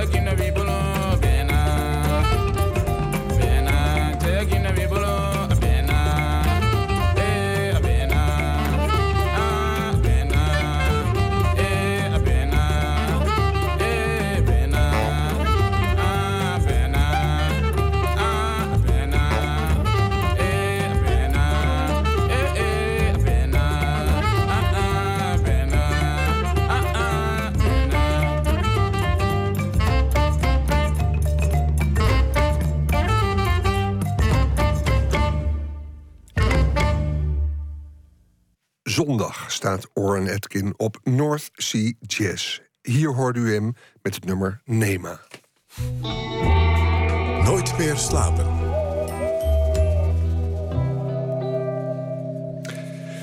En dan vandaag werd bekend dat dit weekend Pam Emmerich is overleden. Ze was schrijver, beeldend kunstenaar en criticus. Haar boek Het Wonder Werkt uit 2004 werd genomineerd door, voor de ACO Literatuurprijs. Ze werkte voor NRC Handelsblad, elke tijdje voor de VPRO Radio. En was zeer betrokken bij Museum Boymans van Beuningen in Rotterdam. Nachtcorrespondent Botte Jellema. Eh, Botte, ze is niet zo heel oud geworden, 51 jaar. Vertel. Ja, ehm, door eh, vrienden in de kunstwereld wordt het overlijden van eh, Pam Emmerich echt als eh, onverwacht uh, omschreven. Anne Vechter, dat is een goede vriendin van haar, dichter, die schrijft verbijsterd te zijn. Nou, zelfs zo dat Emmerich al een, een, wat kwetsbare gezondheid had. dat werd er ook allemaal niet beter op toen ze negen jaar geleden door een val in een coma raakte. En ondertussen was ze heel fel en werkte ze ongelooflijk hard. Vorige week nog legde ze de laatste hand aan een graphic novel... waar ze bij uh, Boymans van Beuningen, Museum Boymans van Beuningen, uh, mee bezig was. Um, en uh, ja, op haar Facebookpagina schrijft haar broer Levi Emmerich vandaag... dat ze zomaar uit het leven is getreden omdat het lichaam het begaf. -hmm. Ja, en ze is ooit in een, in, een, in een coma geraakt na een val... Waarover ze vertelde dat ze, dat ze viel terwijl ze slaapwandelde. Ja, een beetje een wonderlijk verhaal. Maar de ellende was, uh, dat heeft haar dus inderdaad een coma opgeleverd. En die duurde uh, een maand. En uh, in die maand deed ze niets met haar stembanden. En daarna kon ze niet meer op een normale manier praten. Dat moest met zo'n knopje op je, op je keel. Je kent dat wel. Mm -hmm. um, en bovendien, ze kende en herkende daarna ook helemaal niets en niemand meer. Uh, in een interview in Vrij Nederland van vorig jaar zei ze dat ze echt als een kind helemaal opnieuw moest beginnen met, uh, met alles en iedereen te leren herkennen. Dat heeft zes jaar geduurd, haar revalidatie. En toen kwam een volgende ongeluk, namelijk haar man, uh, die overleed aan kanker. en daarover zei ze vorig jaar in datzelfde interview dat ze nog steeds in de rouw is. Uh, en ja, sindsdien is ze alleen maar harder gaan werken. Ze is zeven dagen per week gaan werken. Over de werk. Ze was nou betrokken bij Museum Boymans van Beuningen. Als wat? Wat gebeurde daar? Nou ja, heel, heel veel dingen eigenlijk. Ze heeft het hele museum echt geadopteerd. En andersom, uh, ze, woont, uh, ze woonde in Rotterdam. Ze was tipgever voor het museum, ambassadeur... en uh, ook een soort ja, conservator in de buitendienst, kunnen we misschien wel zeggen. Um, dat vertelde de directeur Charles X mij. die heb ik daar vanmiddag over gebeld. Ze had heel veel contact en ze waren vrienden. Een bijzondere vrouw noemde hij haar een bromvlieg, een boze bij, een hartelijk mens, een uh, ongelooflijk uh, driftkop, een uh, hele lieve vriendin. Een soort van alom aanwezig iemand die 24 uur per dag actie voert, voor dieren opkomt, voor literatuur opkomt, voor kunstenaars opkomt. Iemand die je bijna niet kunt missen als je er eenmaal kent. Ja, ze was een activist voor literatuur, beeldende kunst en dieren. Ze had bijvoorbeeld twee renhonden uit Spanje in huis. Nou, die dieren die worden daar afgedankt en gedood als ze ouder zijn dan een jaar of drie. En dat vond ze vreselijk. Dus dat, uh, daar heeft ze in ieder geval twee van gered. Uh, maar ze was ook een activist voor Boymans. Bijvoorbeeld een ambassadeur voor het uh, collectiegebouw. Dat nieuwe ding wat er nog moet komen, die glimmende wijnkoeler. Um, maar ze tipte Charles X ook regelmatig. Dus er zou iets met Ai zijn in China en ze belt onmiddellijk. Wat kunnen we doen? Wat gaan we doen? Kunnen jullie iets doen? Wat kan het museum betekenen? En ze heeft op die manier heeft ze bij onze uh, educatieve dienst heel veel rondleidingen gegeven. Ja, ze maakte bij Boymans een filmpje met de muziek van Gangnam Style, dat hitje van een paar jaar geleden. Met als boodschap aan de Chinese regering dat Ai Weiwei vrij moet komen. Een stevige en uh, natuurlijke vervlechting tussen haar en een museum, noemt directeur Charles het. Jeroen uh, Vullings van uh, Vrij Nederland die schrijft in een memoriam van vanavond dat ze ook flink met elkaar botsten zo af en toe. Maar dat het, als hij dat bekeek, uh, moest concluderen dat het eigenlijk heel erg goed zat tussen die twee. Nou, die vervlechting, dat gaat bijvoorbeeld ook over het kunstprogramma wat de, het museum heeft. Eh, kunst voor kids. Dat verwacht je misschien niet, maar ze, heeft, ze werkte echt al van alles mee. Dat kinderprogramma. Eh, en daarvoor maakte ze betaalbaar werk. Dan hebben we het over ongeveer stukken van 35 euro. Voor jonge verzamelaartjes. Ja, ze schreef literatuur en ze schreef ook over kunst en maakte beeldende kunst. Die combinatie, eh, wat laat zich daarover zeggen? Nou ja, ehm, eh, eerst misschien even over de literatuur. Ze debuteerde in 97 en dat deed ze met de verhalenbundel Soms Feest. En daarna kwamen het uh, Bottompaleis en een essaybundel. Ehm, het Wonder Werkt. Daar hadden we het in de inleiding al eventjes over. en vorig jaar verscheen haar roman Voor wie het paradijs verdragen kan. Volgens Charles X zat ze echt in een soort tussenvorm van literatuur en beeldende kunst... die bij haar heel erg goed werkt. Het was ze echt in staat om dat goed te combineren. En uh, eigenlijk tekende en schilderde zij zoals ze schreef. dus heel pregnant, hoekig, direct. Heel mooie uh, beeld-taalverbindingen. zeer kleurrijk. Um, buitengewoon expressief. Heel direct. Uh, ja, het, een heel eigenzinnig en typisch oeuvre. Ja, en bovendien ook ongelooflijk productief, zegt X. Er is uh, werk van haar, pem, van haar permanent te zien in het Boymans, namelijk een muurschildering in de Espresso Bar in het museum. De reden was dat ze vaak op klein formaat tekent. En dat ze ineens dachten van god, zou eigenlijk heel interessant zijn. Je hebt ook mensen als Lili van der Stokker en Jan van der Ploeg... die, die tekenen, kleinere tekeningen maken, maar die ook heel groot kunnen tonen. En op een gegeven moment dachten we, we hebben daar zo'n wisselend programma. Dat hebben ook andere mensen voor haar gedaan, Johan van Oort en weer anderen. En kwam gewoon het idee op om dat te doen. Ja, maar een wisselend programma dus. En eigenlijk staat het uh, op dit jaar op het punt om uh, weer gewit te worden. Dan komt er weer een volgende. Het is de bedoeling dat het einde van dit jaar verdwijnt. En dan zou dus de witkwast er overheen gaan. Maar Charles X vertelde mij dat dit nog wel even blijft. Ik denk nog een jaar twee. Dat moeten we minstens doen. En eh, nou, misschien wordt het ooit wel een uh, Pam Emmerich bar. Uh, zoals de Karel Appel bar in het stedelijk is geworden. Ja, nou, Ex tipt tenslotte nog haar kunstboek uit 2004. Het Wonderwerkt, waar ze dus voor genomineerd was voor de ACO-prijs. Um, en vorige week is haar laatste werk naar de drukker gestuurd. Die graphic novel die ze samen en over het Boymans maakte. Vorige week heeft ze de laatste correcties heeft ze goedgekeurd. Er zaten nog wat verschrijvingen in en zo, kleine dingen. En uh, hij ligt, nu ligt hij eigenlijk pre-press, ligt hij klaar bij onze drukker. Nou, dat zal wel zo'n beetje het laatste zijn dat er van Pam Emmerich verschijnt. Uh, de tekeningen uit Emmerich's nieuwste graphic novel, dus die, uh, die gaat Maanmensen heten trouwens. Uh, die zijn van eind oktober tot eind februari te zien in het printenkabinet in Museum Boymans van Beuningen. Oké, dankjewel Botte. En misschien nog even wie haar zelf wil horen die kan terecht heel makkelijk via internet naar een uitzending van Kunststof van vorig jaar. Waar een uur lang met haar gepraat werd. De, Jelly Brouwer was de interviewster. En dat is een heel mooi interview dat een beeld geeft ook van haar, haar grimmige, droog-komische manier van antwoorden en redeneren. Zeer de moeite waard. Ja. Botte, dankjewel voor, um, nou, voor jouw herdenking van Pam Emmerik. Het gaat je goed. Goeienacht. En we gaan hier door met de muziek. De Vlaamse zangeres Sanne Putzijs, beter bekend als Céla Sou, bracht onlangs een tweede studioalbum uit, Reason. Daarop staat dit nummer Always Home.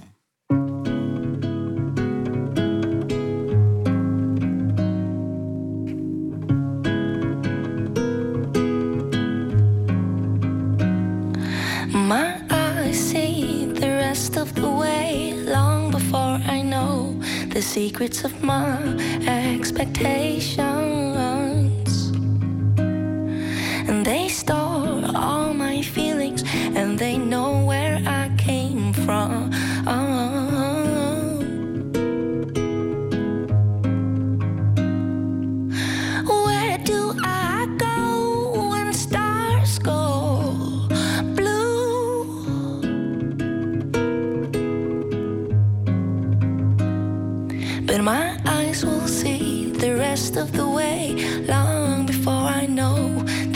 Secrets of mine.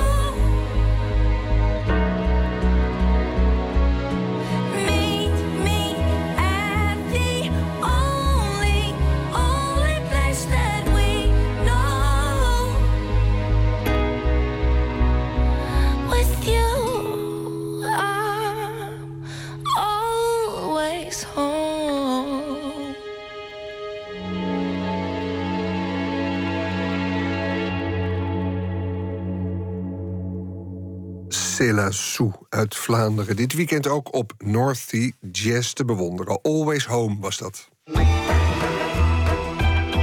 Nooit meer slapen. Tien over half twee geworden in Nooit meer slapen. Afgelopen vrijdag studeerde fotografe Tane Klein af aan de kunstacademie Sint-Joost in Breda.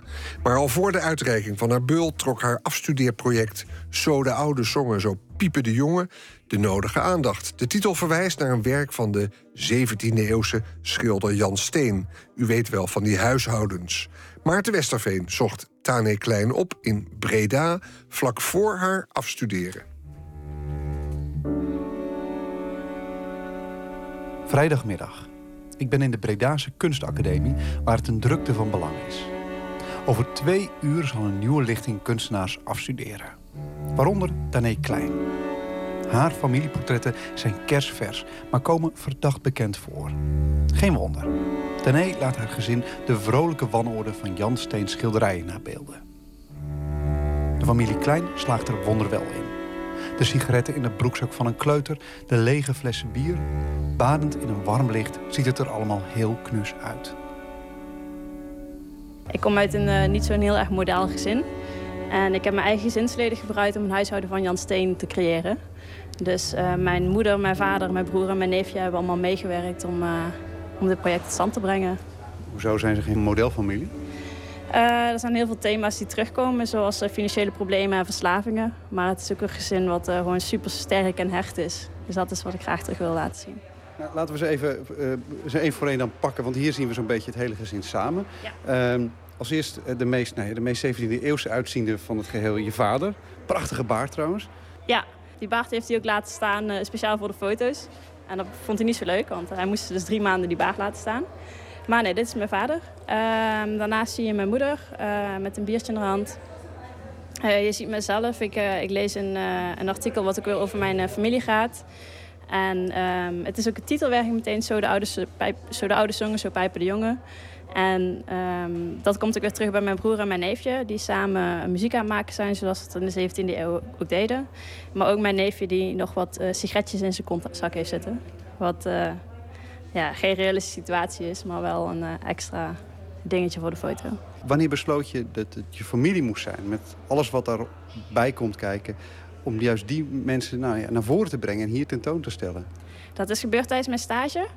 Eh, ik had met mijn stageverlener Jan Banning had ik het toen over, eh, over mijn familie. En ehm, ja, eigenlijk alles wat daar gebeurd is. En hij vond dat zo bijzonder. En vooral omdat wij gewoon nog allemaal contact hebben en dat we zo weg zijn met elkaar. En hij zei, daar moet je iets mee doen. En ik had er nooit over nagedacht.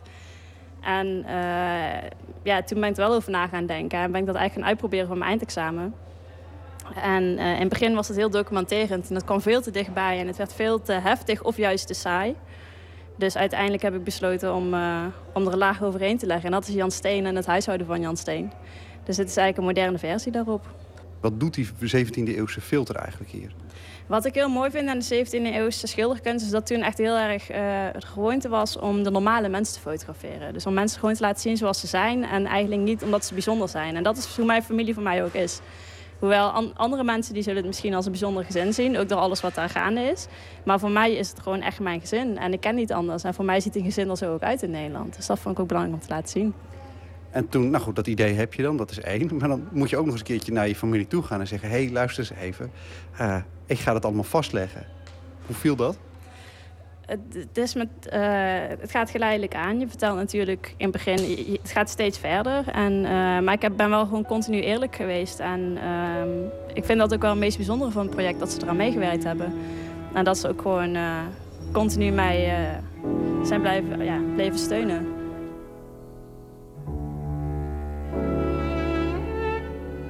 Zoals Tané al zei, haar familie is niet onbekend met problemen. Wat die precies zijn, mag de bezoeker maar verder zelf concluderen. De portretten geven je een idee, maar de toon blijft warm en empathisch. Tané Klein vond het afhankelijk lastig haar familie in zo'n kwetsbare positie te brengen. Het grappige is dat ik meer moeite had met vragen of ze dingen wilden doen... dan dat hun er moeite mee hadden om het daadwerkelijk te doen. Bijvoorbeeld bij één foto van mijn moeder... waar ik een beetje overdreven heb met, de met de flesjes bier die ik aan haar voeten neergelegd heb. Ja, kan je het portret even helemaal beschrijven van wat, je, wat we hier nu zien? Je ziet een slaapkamer met een hoop foto's aan de muur... waarop een beetje onze familiegeschiedenis te zien is. Ehm, en je ziet op de vloer eigenlijk typisch Jan Steen een hele hoop rommel liggen... wat met, het, met de familie te maken heeft, maar ook gewoon rotzooi. En eh, mijn moeder die heeft een sigaret in haar hand, ligt wel bier op de grond... En dat zijn wel elementen die met mijn moeder te maken hebben. Maar niet zo overdreven als ik het hier neer heb gezet. En dat vond ik wel heel spannend om, eh, ja, om dat erin te voegen.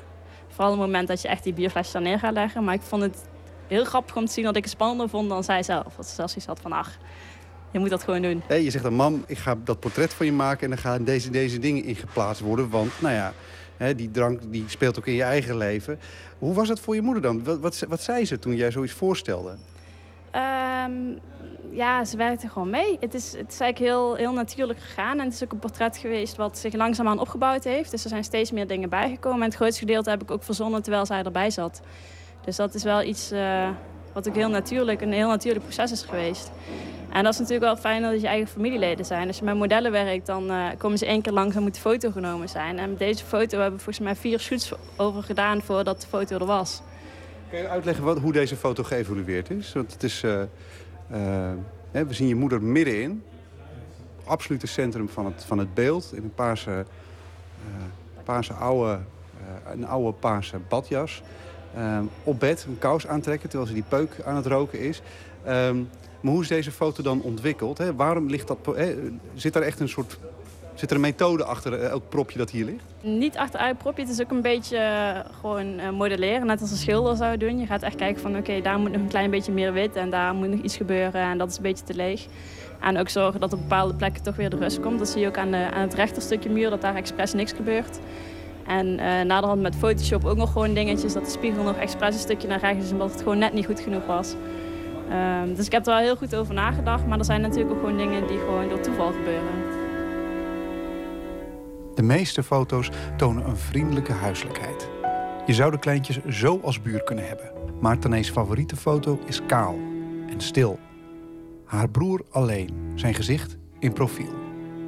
Het is een foto in, eh, in de gevangenis.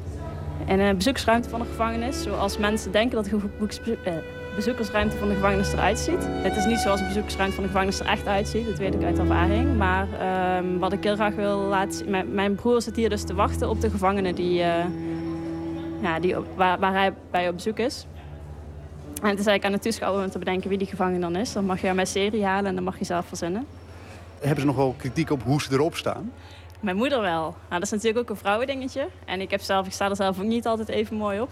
Maar eh, vooral mijn moeder staat er twee keer op alsof ze uit bed komt. En dan eh, moet ze dus ook echt de bril afdoen en haar haar door de doen en zo. En dat eh, vond ze wel lastig. En daar is ze ook wel een beetje zenuwachtig over wat mensen daarvan vinden. Maar ik denk dat mijn moeder gewoon een hele mooie vrouw is en dat ze dat prima kan hebben. En dat ze er altijd wel goed uitziet. Dus, Hoe verhoudt dat zich om enerzijds een foto te maken en tegelijkertijd er deel van te zijn? Eh, dat is heel gek, maar ook heel mooi.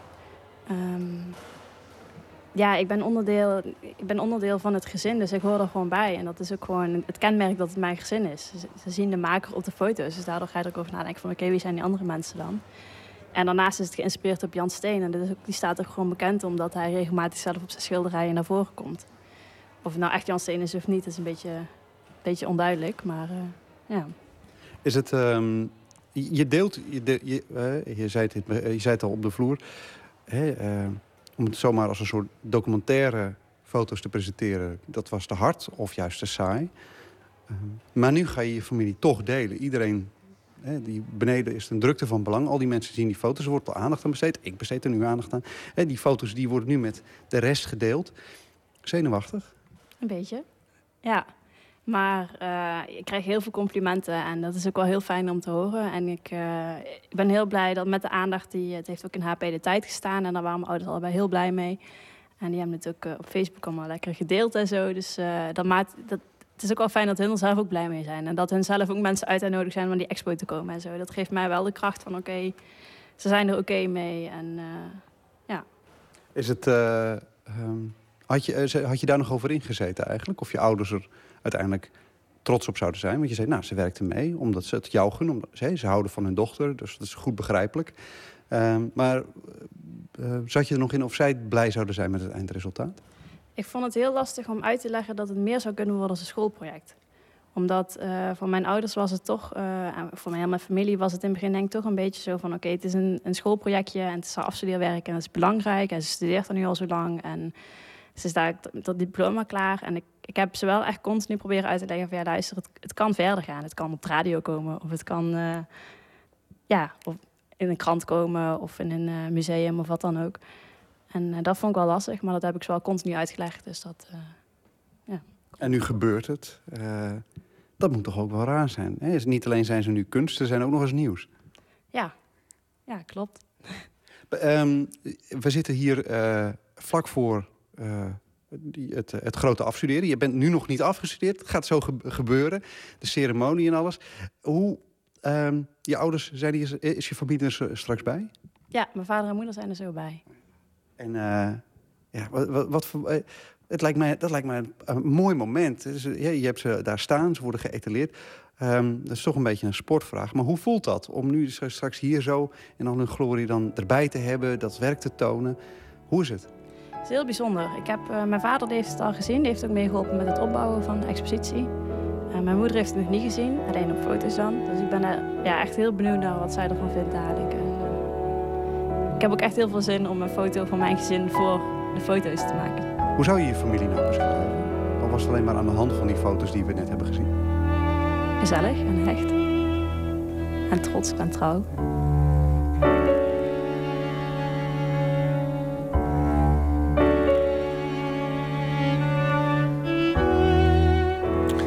U hoorde de kerstvers afgestudeerde Tane Klein over haar werk Zo de oude zongen, zo piepen de jongen. Het nieuwe album van José James is een ode aan Billie Holiday, een van zijn grote invloeden en een van de redenen waarom hij jazzzanger werd. Luistert u naar zijn versie van Billie Holiday's Strange Fruit. Mm-hmm.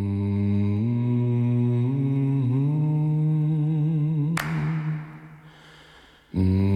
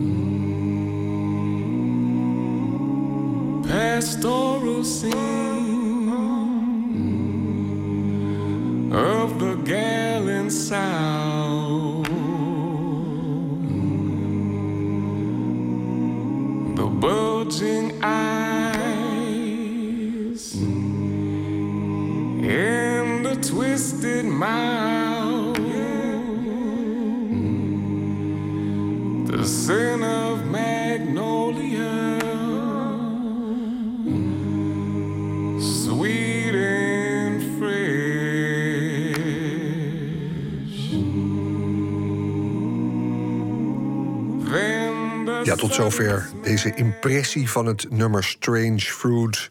Afkomstig van het album Yesterday I Had the Blues, The Music of Billie Holiday.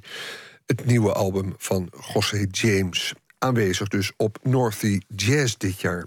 En we eindigen deze aflevering van Nooit meer slapen met een dichter. Natuurlijk, zoals we dat altijd doen, die een favoriet gedicht voordraagt. Niet van zichzelf, maar van een ander.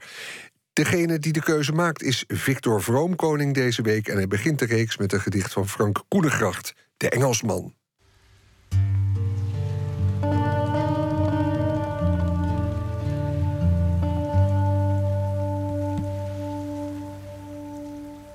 Liefdespoëzie is een moeilijk genre. Je moet oppassen voor clichés, niet verdwalen op private paden, porno vermijden. En schrijf nooit tijdens een bevlieging. Als het hart je keel uitkomt, als tranen de schriftuur kunnen vlekken. Hoe meer vocht, des te minder zicht. Als je overloopt van emoties, ga een blokje om, om uit te waaien. Neem geen drank tot je.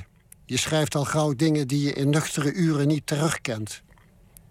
Op afstand en met een heldere kop ben je het beste uitgerust voor een liefdesvers. Een probaat middel tegen te grote betrokkenheid is ironie.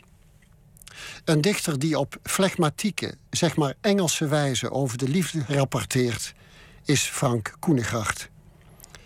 Uit zijn bundel Epigrammen lees ik De Engelsman. Het gedicht is opgedragen aan Geeske. Je sliep, je droomde, glimlachte en zei: No, I don't care. Gevolgd door een gekich, een meisjesachtig giechelen. Dit was zo duidelijk als wat. Hier was een Engelsman in het spel, die zekere voorstellen deed waarop werd ingegaan. In elk geval was ik het niet. Ik spreek nooit Engels in je slaap. Proefondervindelijk gaan wij te werk, dacht ik. Dan weten we straks meer en ik begon je borst zo Engels mogelijk te strelen. En inderdaad, het geluid ging over in een zacht zingen, een gekreun. Een situatie die ik zo had kunnen laten. Maar ik wilde zekerheid en wreef over je broekje met dezelfde hand uit Engeland. Nu rende je weg. Je vluchtte lachend, maar je vluchtte. Je trappelde je benen bloot. Dus onze vriend van overzee was nu te ver gegaan. Dat bleek. Je zuchtte, draaide je om naar mij en zei mijn naam daarbij. En ik besloot je nu maar verder te laten zweven tussen ruimte en tijd, maar fluisterde nog in je oor: We'll never meet again. Voor alle zekerheid. Ja, mooi gelezen. Victor Vroomkoning bracht het gedicht De Engelsman van Frank Koenegracht. En daarmee is deze editie van Nooit meer slapen afgelopen. We hebben nog één minuutje en daarin kan ik zeggen... wie er morgen komt hier tussen 12 en 1. En dat is Frank Westerman. Begin jaren 90 was hij correspondent van de Volkskrant, daarna van NRC Handelsblad.